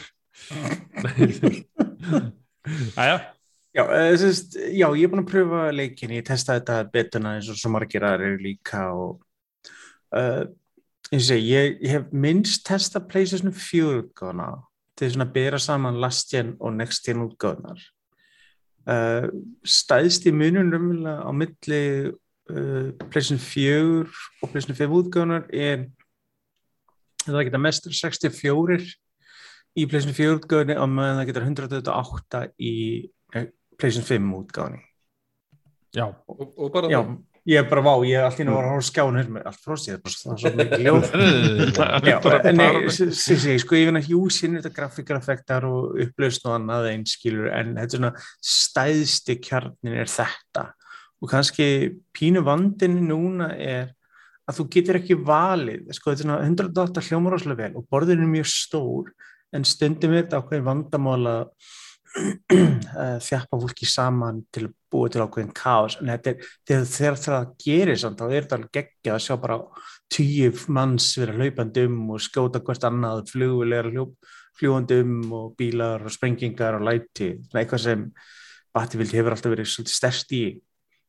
En ég held að kannski mestu vandi núna er eins og segja, er þessi tæknir hnökrar sem eru og leikurinn verður þetta kannski en pínu merki að bæða út af COVID og sem bara öðru hann kannski hafa ekki verið fullkomlega tilbúin fyrir útgáfu.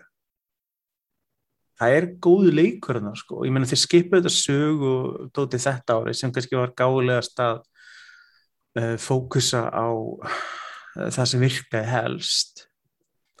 Og ég er ekki samt sko, ég datt svolítið út úr Battlefield heiminu sko, en er þetta ekki svolítið svona einhver rauðu þráður sem að maður hefur heyrt að þetta verist verið svolítið bara einhver stemning með Battlefield leikina Battlefield hefur alltaf verið best gefnir hefur alltaf verið bestir sko gefnir út svona ekki alveg kláraðir eða Þe, þeir voru ekki, ég. Bat, Battlefield gamlu 1942, Battlefield 2 Battlefield 3 og 4 voru ok, en ég held að síðustu Ja, tvei leiki fjögur, fjögur var algjört því að sko. já, reyndar hann komst ekki í lag fyrir eitthvað heilt ár eftir hann kom út það Já. var alveg svona það var alveg svona cyberpunk fyrir Battlefield- Já, ég, það er líka þá, þá voru þeir byrjað að tróða svo mikið þessu online dóti og alls konar services inn í þetta. Og það var hryllingur að fá þetta til að fungera rétt sko.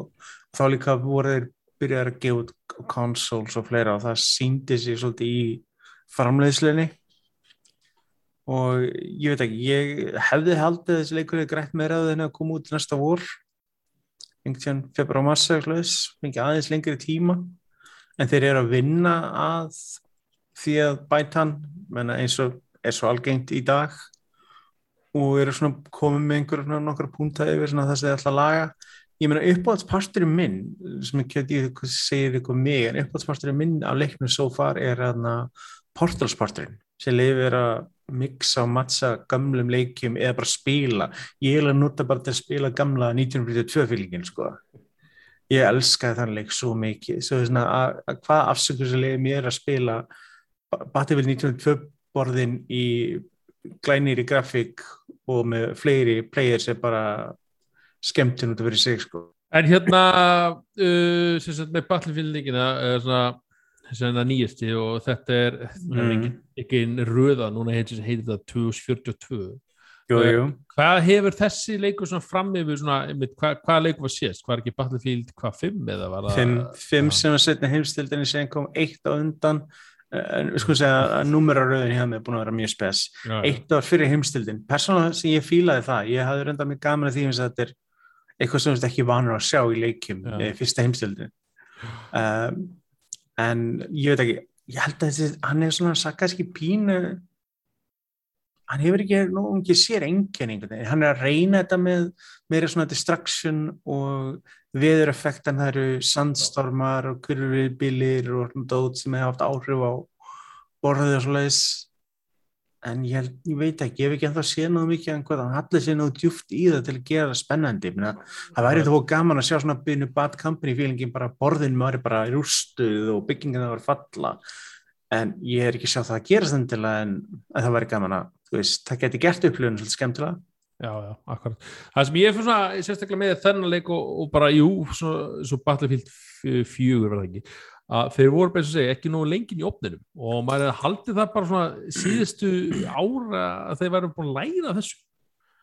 En þú veist, Ah, það var óskandi að útgefundur myndi læra að gefa ekki leikjút áður Já. en tilbúinir en það hefur ekki hingað að stoppa Er, er þetta ekki svona típisku leikur sem að þú veist hundraðs mann sérna á hverjum degi príordir Já, menna, já, líka bara sem sérðu hvað mörg stúdjó, síðan líka að sjá hýsverku, hvað mörg stúdjó, það er alltaf skrítið að sjá Criterion sem eru þekkti fyrir bílaleiki koma að Battlefield-leik. já, akkurat. Þú veist, þú veist, þú veist, með mörg stúdjó nöfnan undir, alveg sem með Call of Duty, Jésús minn, hvað er mörg nöfn, eða bara Ubisoft-leik í dag, sérstaklega þessi stóri Assassin's Creed, það sem eru 16 stúdjó sem eru bara alla, þú veist, búið til content. Það lítur að Já. erfitt að halda utan um hildar vinnuna í svona tilfelli, sko. Það er ótrúlega hvernig Ubisoft samt text að gera þeir með bara, veist, og sé, með bara þúsundir af, af, af, af, hvað segir maður, af, af Já, og og svo bara náðu einhvern veginn púslu sama bara og eru allir búið til Assassin's Creed leik já, en ég menna kannski þá kannski er það kannski betri, ég veit ekki að flokka niður að þessi býr til ákveðna art, þessi býr til eitthvað asset sem, já, já, nákvæmlega. þú veist, En- fókusur en, Þú varst að hafa alveg þétta framlöslu pípulínu í þetta. já, já, og rosalega góð að hilda yfirsýn einhvern veginn. Og ég held að það þarf að verða einhver grundvallar breyting á Battlefield-seríinu, þess að Battlefield er misti sér svolítið frá þrjú og fjögur í það er að keppa við Call of Duty. Mm og fyrir vikið töpuður hál, hálfpartin sér enginu sín einhvern veginn sem var einmitt svona þessi kaos, uh, multiplayer svona skemmtilegu dæmi þar sem þú varst með faratæki og flugvilar og alls konar dæmi. Þú veist þegar fólk var að hoppa á flugvilum og skjóta niður flugvilar, þú veist að með það verið fallið og alls konar svona vitleysur sem voru svona skemmtilegar. Og það, það var eitthvað sem aðskildi leikin frá hinum en núna eftir að þeir reynda að vera bara enn eitt Call of Duty leikur það hefur ekkert gengið rosalega vel hjá þeim. Nei, akkurat. Hérna, já, Battlefield uh, sérðu eitthvað fram fyrir að spila eitthvað mikið meira? Eða er þetta svona komið gott eða ætlar að býða uh, lengur með hann hvernig Ég ætla að halda fram að le- leika mér í- portalpartinum og annars Já. ætla ég að kíkja multiplayer. Síðan auðvitað, sko, leikurinn með crossplay milli PC og leikidalna og ég eftir rest ákvaða að slakka á crossplayinu vegna þess að mann hefur þetta slátrað af PC-liðinu. Þetta er raunlega sama að maður finnur stundum í þegar maður spila Halo Infinite eða maður bara þurft að spila á múti PC-lið sem mús reglabórið þá er þetta bara, æj, æj, vá. Út skotin og veist ekki hvað, úr hvað átt að koma sinni og þú veist, já viðbrastíminu þér eru þetta þannig að já, pluss maður er svo gamall og styrður að já, maður var allan að snúa sín og snögt við til þess að, já. Ég var einu sinni góður í skotleiki menn það er ekki hvernig 20 ár síðan það var. En Það ég er þess ekki vegna sem að kipta þér kveik aftur? Já, þess að aðeins upplega ég var besti, ég langar þess bara að installa Tribes 2 aftur. Já, og þarna, sjá hvað ég get fyndið gamle góðu liðið sem ég var að spila með í klaninu og smá Tribes feeling Ég var alltaf mjög góður í defense, ég var ekki rosalega góður í offense en ég var fítn í, í vörn að verja þegar það voru capture flag Já, ég, ég var einhverju klani hérna á Íslandi. Ég var flag chaser. Já, ég man ekki, ég man ekki Flag ég man ekki, chaser. ég man ekki hvað mitt hét en það- var að huga og allt þetta dótskilur í, í dennu sko en já, ég hafði rosalega gaman að þess að spila mynd Battlefield 92 og Tribes og svona dótri en ég var aldrei einhver Uber player, ég skafði ekki það, ég hef aldrei verið það, ég er ekki minna nóg mikið handa í coordination einhvern veginn fyrir það. Ég er meira líklega til að slá mig sjálf í andliti en að skjóta andstæðingin en ég veit ekki, sko, þetta er forðanleikur og þau hefur gaman að Battlefield, ég meina mér skilst að of Duty 9 sé eh, bara svona meh. Þeir hafa ekkert rosalega það er svona, það er svona allt í lagi kaplar í honum bæði singleplayerum og öðru en já, ég, hvernig svo að ég er svo mikið sköldleikimæður og ég verð að segja að ég spila þá hvað langmest á PC mm, og mér finnst þetta svo mikið vægt fyrir, mikilvægt fyrir fyrirtæki að koma sterkir inn í byrjun til að ég fái einhver grípandi svona, að grífi mig eða skilur, ég, já, ég var, veist ekki að leikurinn launchi Já. brotin, það er Já, já. fælir rosalega fólk frá því að spila hann ég var rosa spenntur fyrir þegar kynntu hérna Battlefield. Og ég bara ok, það er ég líka sko. einhver leikur, þú veist, að því ég er búin að spila Battle Royale núna í, í tvö ára eitthvað, bara Mm. aðeins loksins eitthvað svona multiplayer en en því miður þá er það einhvern veginn slít ég mig ekki frá Apex út af þessu. ég, ég held að þeir þurfa að halla sig meira í eitthvað ákveð sérengin þessi sér einkinni að svona Battlefield sögunni Hann er frosinn. við erum okkur að skoða upptökan þessu hann, hann er jafn buggaður og Battlefield maður.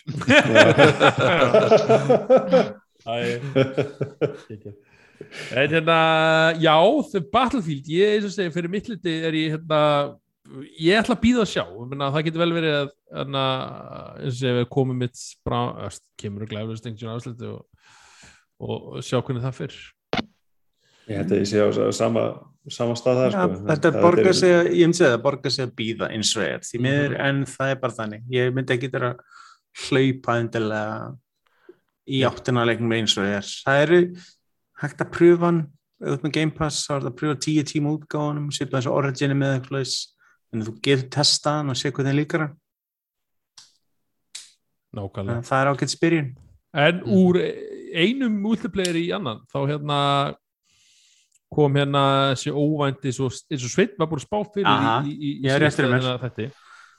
og það var á, á þriðdunum, eða mánudunum, það var bara kynntu þér uh, multiplayeri fyrir Halo og þegar Amalis kynning Microsoft var á Xbox. Það var rétt. Amalis kynningin. Þá stealth droppuður multiplayerinu fyrir Halo Infinite. Já, sem er einmitt frýr til þess að spila á er bæði, já, bæði á Steam og PC, Game Pass Xbox, hvar sem er akkurat Uh, ég, uh, ég þarf að droppa út, ég bara segi go- gott kvöld og takk fyrir. Herri, bara takk fyrir spjallið takk fyrir kvöldið. Já, við, við heyrums, bye bye. Þess.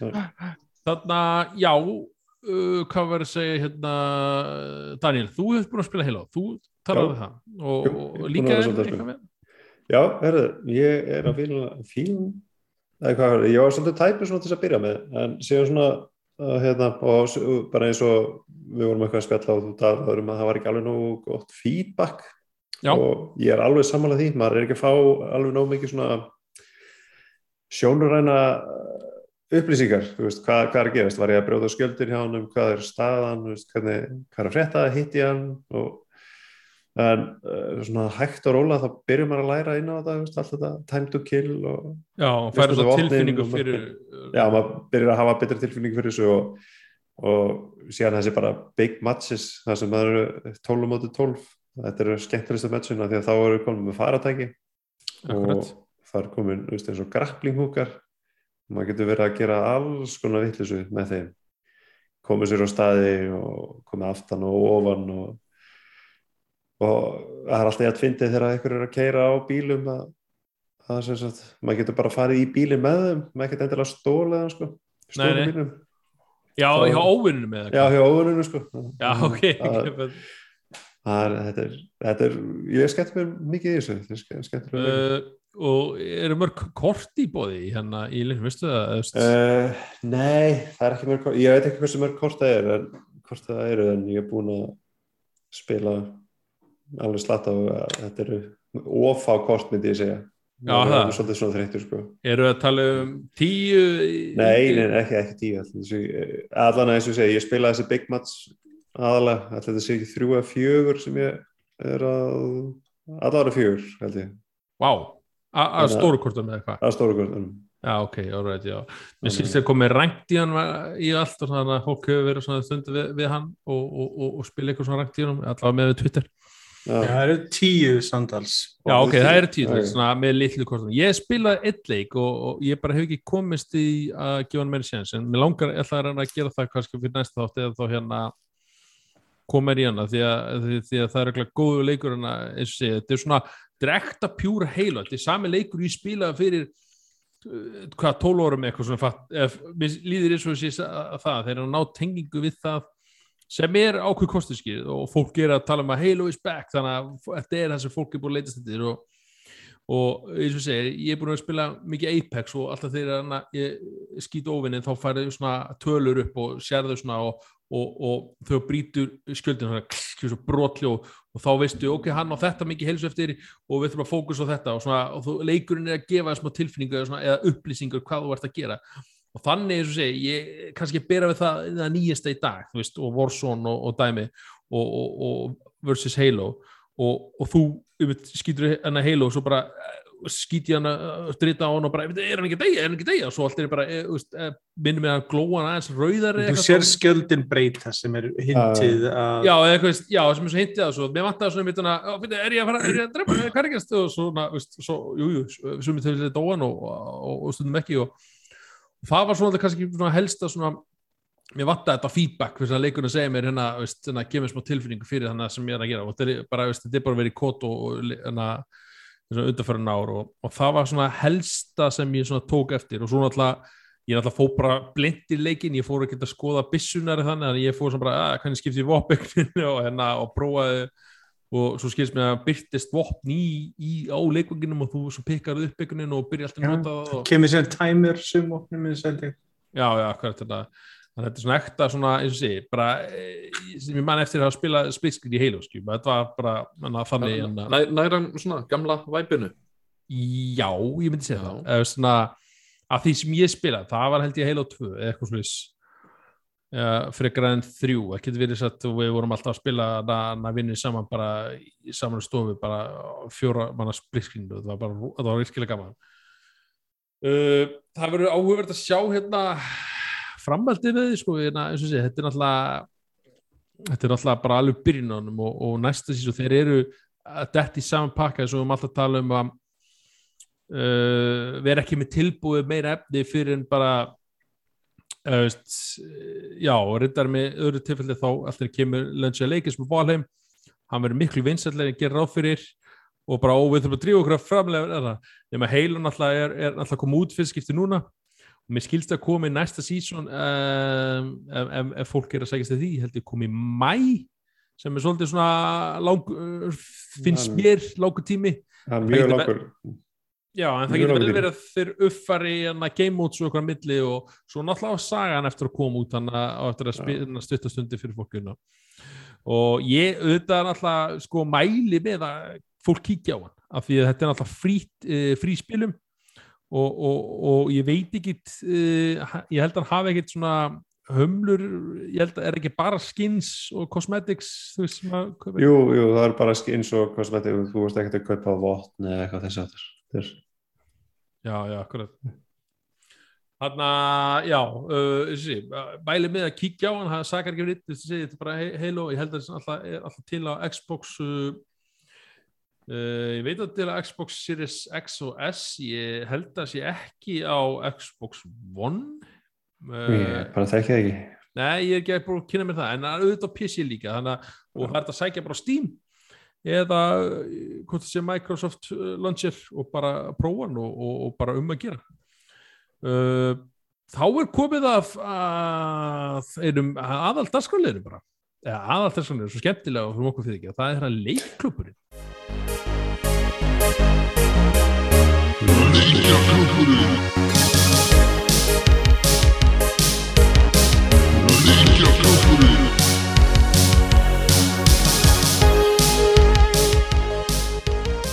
kannski leiður okkur gerðum það? Yes, ég skal lega ekki Herðu, uh, leikja klúps leikurinn þessa, hvað var að segja, þessa tvær vikunar það er tvær vikunar milli.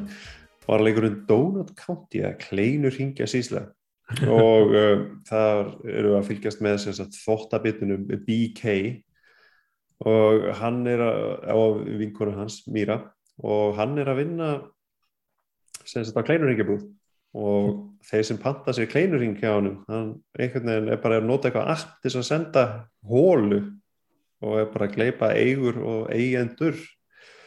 Sendi þá neyri hérna, 999 fet eða 304,5 metra og nýjörðuna og, og maður fer í gegn uh, og hérna sagt, hvað maður að segja maður er að spila leikinn og, spila þessa hólu og stýra henni og kl- klára sagt, alla viðskiptavinnuna sem er að panta.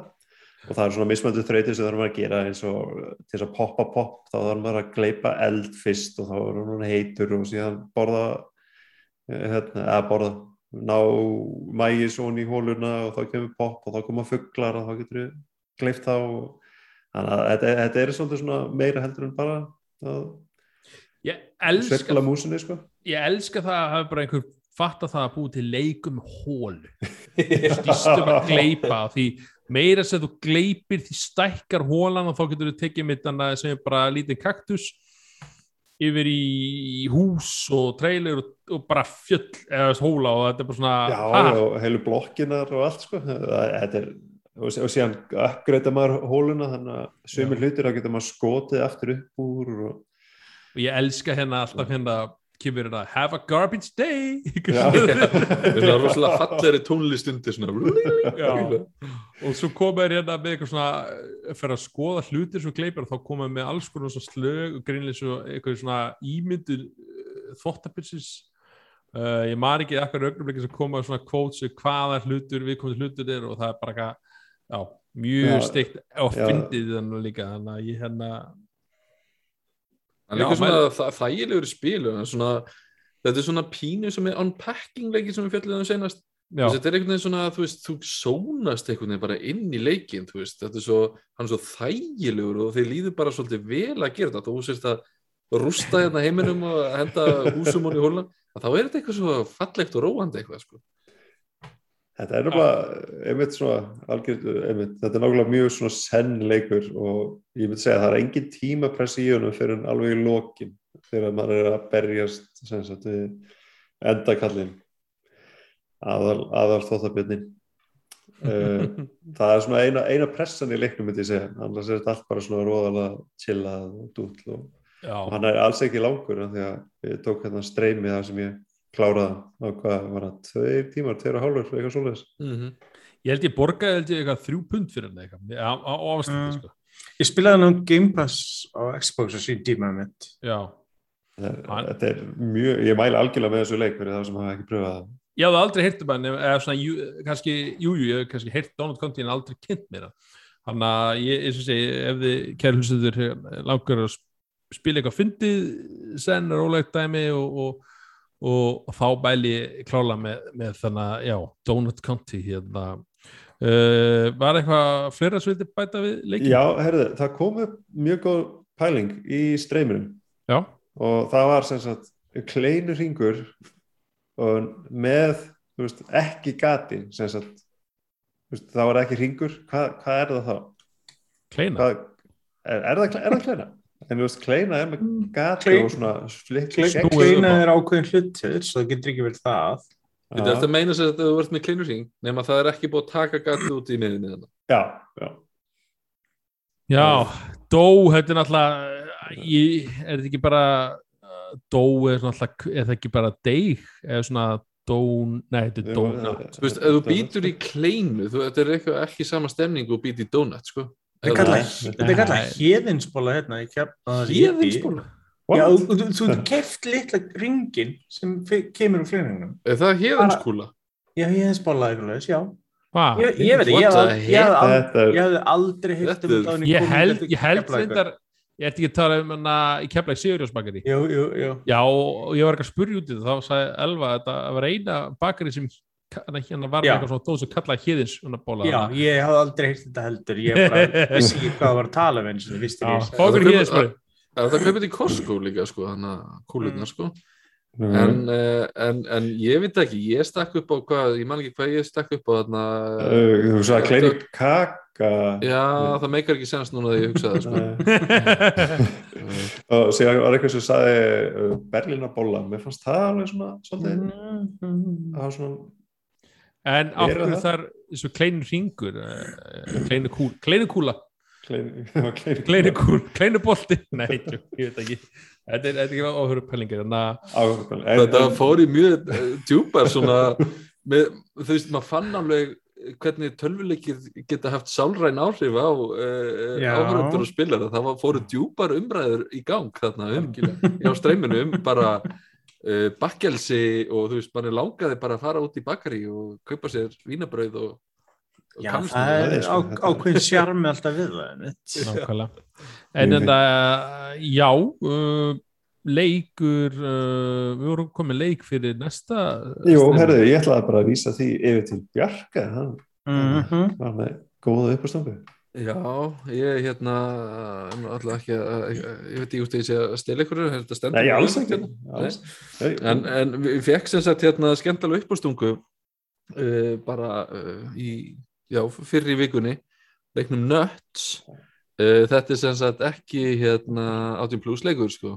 Við erum bara að lesa í þetta. Við erum að tala um bara netur eins og íkornar borða. Uh, um, og hérna þannig að ég ætla bara, ég ætla bara ég er með svona smá kynningu á honum. Ég ætla bara að henda það hérna í gang svo ef við fattum hvað ég er að tala um.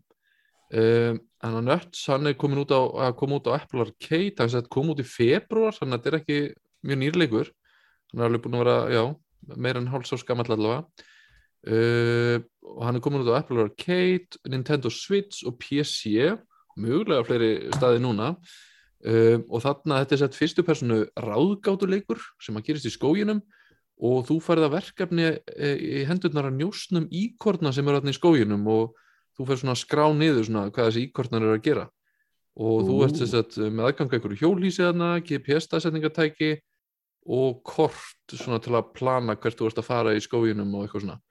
Og þú sess að ert með svona eft- eftirlitsmyndavilar og skilur þar eftir ákveðinu stöðum og ferð svo aftur í hjólhísið þitt á eitthvað stað og ert svona að fylgjast með svona hvað íkornin er að gera þannig að það er eitthvað svona pælingu bak við það.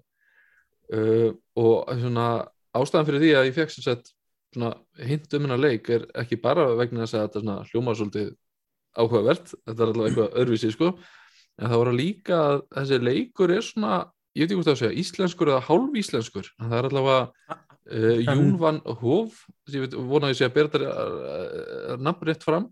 Þessi að sjálfstæðstamti leikjuhönnur sem að býra á Íslandi sem að kemur að gera leiksins og sem er leiðis uh, Torfi Áskesson hann hérna er svona level designer. Hann gerði Mhm. líka hérna ég veit ekki hvort þau prófuðu símaleikina hérna Out of the Loop og Triple Agent. Ég man þetta Triple Agent. Já. Já, hann sem sagt uh, hérna, kom að gera þeirra leikja líka. Þannig að þessi leikur er hálf íslenskur. Mér finnst það svolítið uh, interesting sko.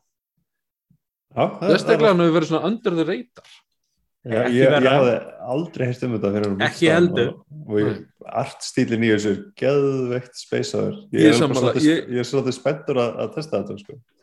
ég fíla, ég veit ég þetta er svolítið þreytandi, ég er svo ofta að tala um litapalettur í leikjum, en ég fíla litapalettur í þessu leik. Við erum bara svona listrannir, það er bara málið. Það er, já, en að, já, ég, ég hlaka til að prófa það, testa hann og hann að, og lúka spennandi, hann að gegn alltaf gaman að fá ábendingu frá hérna bæði hlustundum og, og bara svona frá öðrum og svona, já, og, hann, hann er á bara, eh, hérna, hann er veit ég á 30% afslætti núna á Steam, ég veit ekki þessi tengt Black Friday eða ekki, sko. það er Steam útsalun sem er til fyrsta des já, já, ok. Já, ok, hann er við svona allavega vikunni til að skoða þetta, hann að gegja. Mhm. Ég held að uh, við komum ekki fleira í þessum dag en það eru líka bara búin að ræða um allt milli heimus og uh, frá Game Awards yfir í Keina, yfir í uh, multiplayer leikjum. Þannig að uh, og hérna, já, leikur sem sagt, en að leikjaklubburinn að næsta sem sagt, þannig að streymi er sem sagt nuts. Já, Eh, setja það inn á Instagram og hann og svona. Endilega fylgist með á Instagram og hérna og hérna á Facebook. Og svo uh, kannski má minna líka á hérna nýja starfstæðarinn okkar gemstöðuna og, og þannig sem sagt við ætlum að fara að gefa 5.000 krónar gjafabrif hjá þeim. Bara fylgjast með á uh, nördnorðsins.is og samfélagsmiðlum Facebook. Uh, þar sem að við útskýrum hvernig þið getið átt möguleika á því að, að vinna ykkur þetta einn.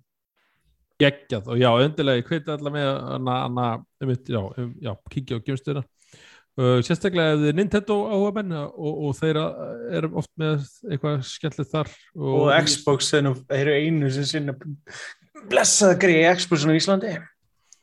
Já, já, það, það komir reglulega leiki þar inn á, á Xbox. Jep, ég er mitt greip slatta on daginn mitt það er náttúrulega bara, já, það er ekki ekki ég ætla ekki að segja mér.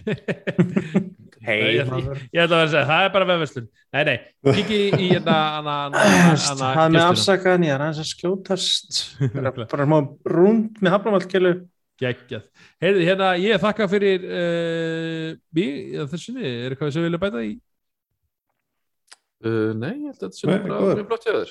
Geggja þó, Mhm. já, næsta þetta munum við en að verðum við örugglega með svona uh, allavega Game Awards uh, kynningar eða svona förum við en að sem sagt hérna vinni, vinningsafana og, og væntalega okkar uh, svona, Það fyrir svona, já, leggja draugin af Lukas í.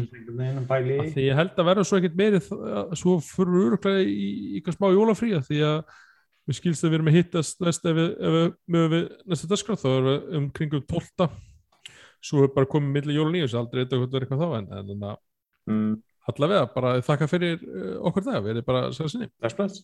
bless. Bless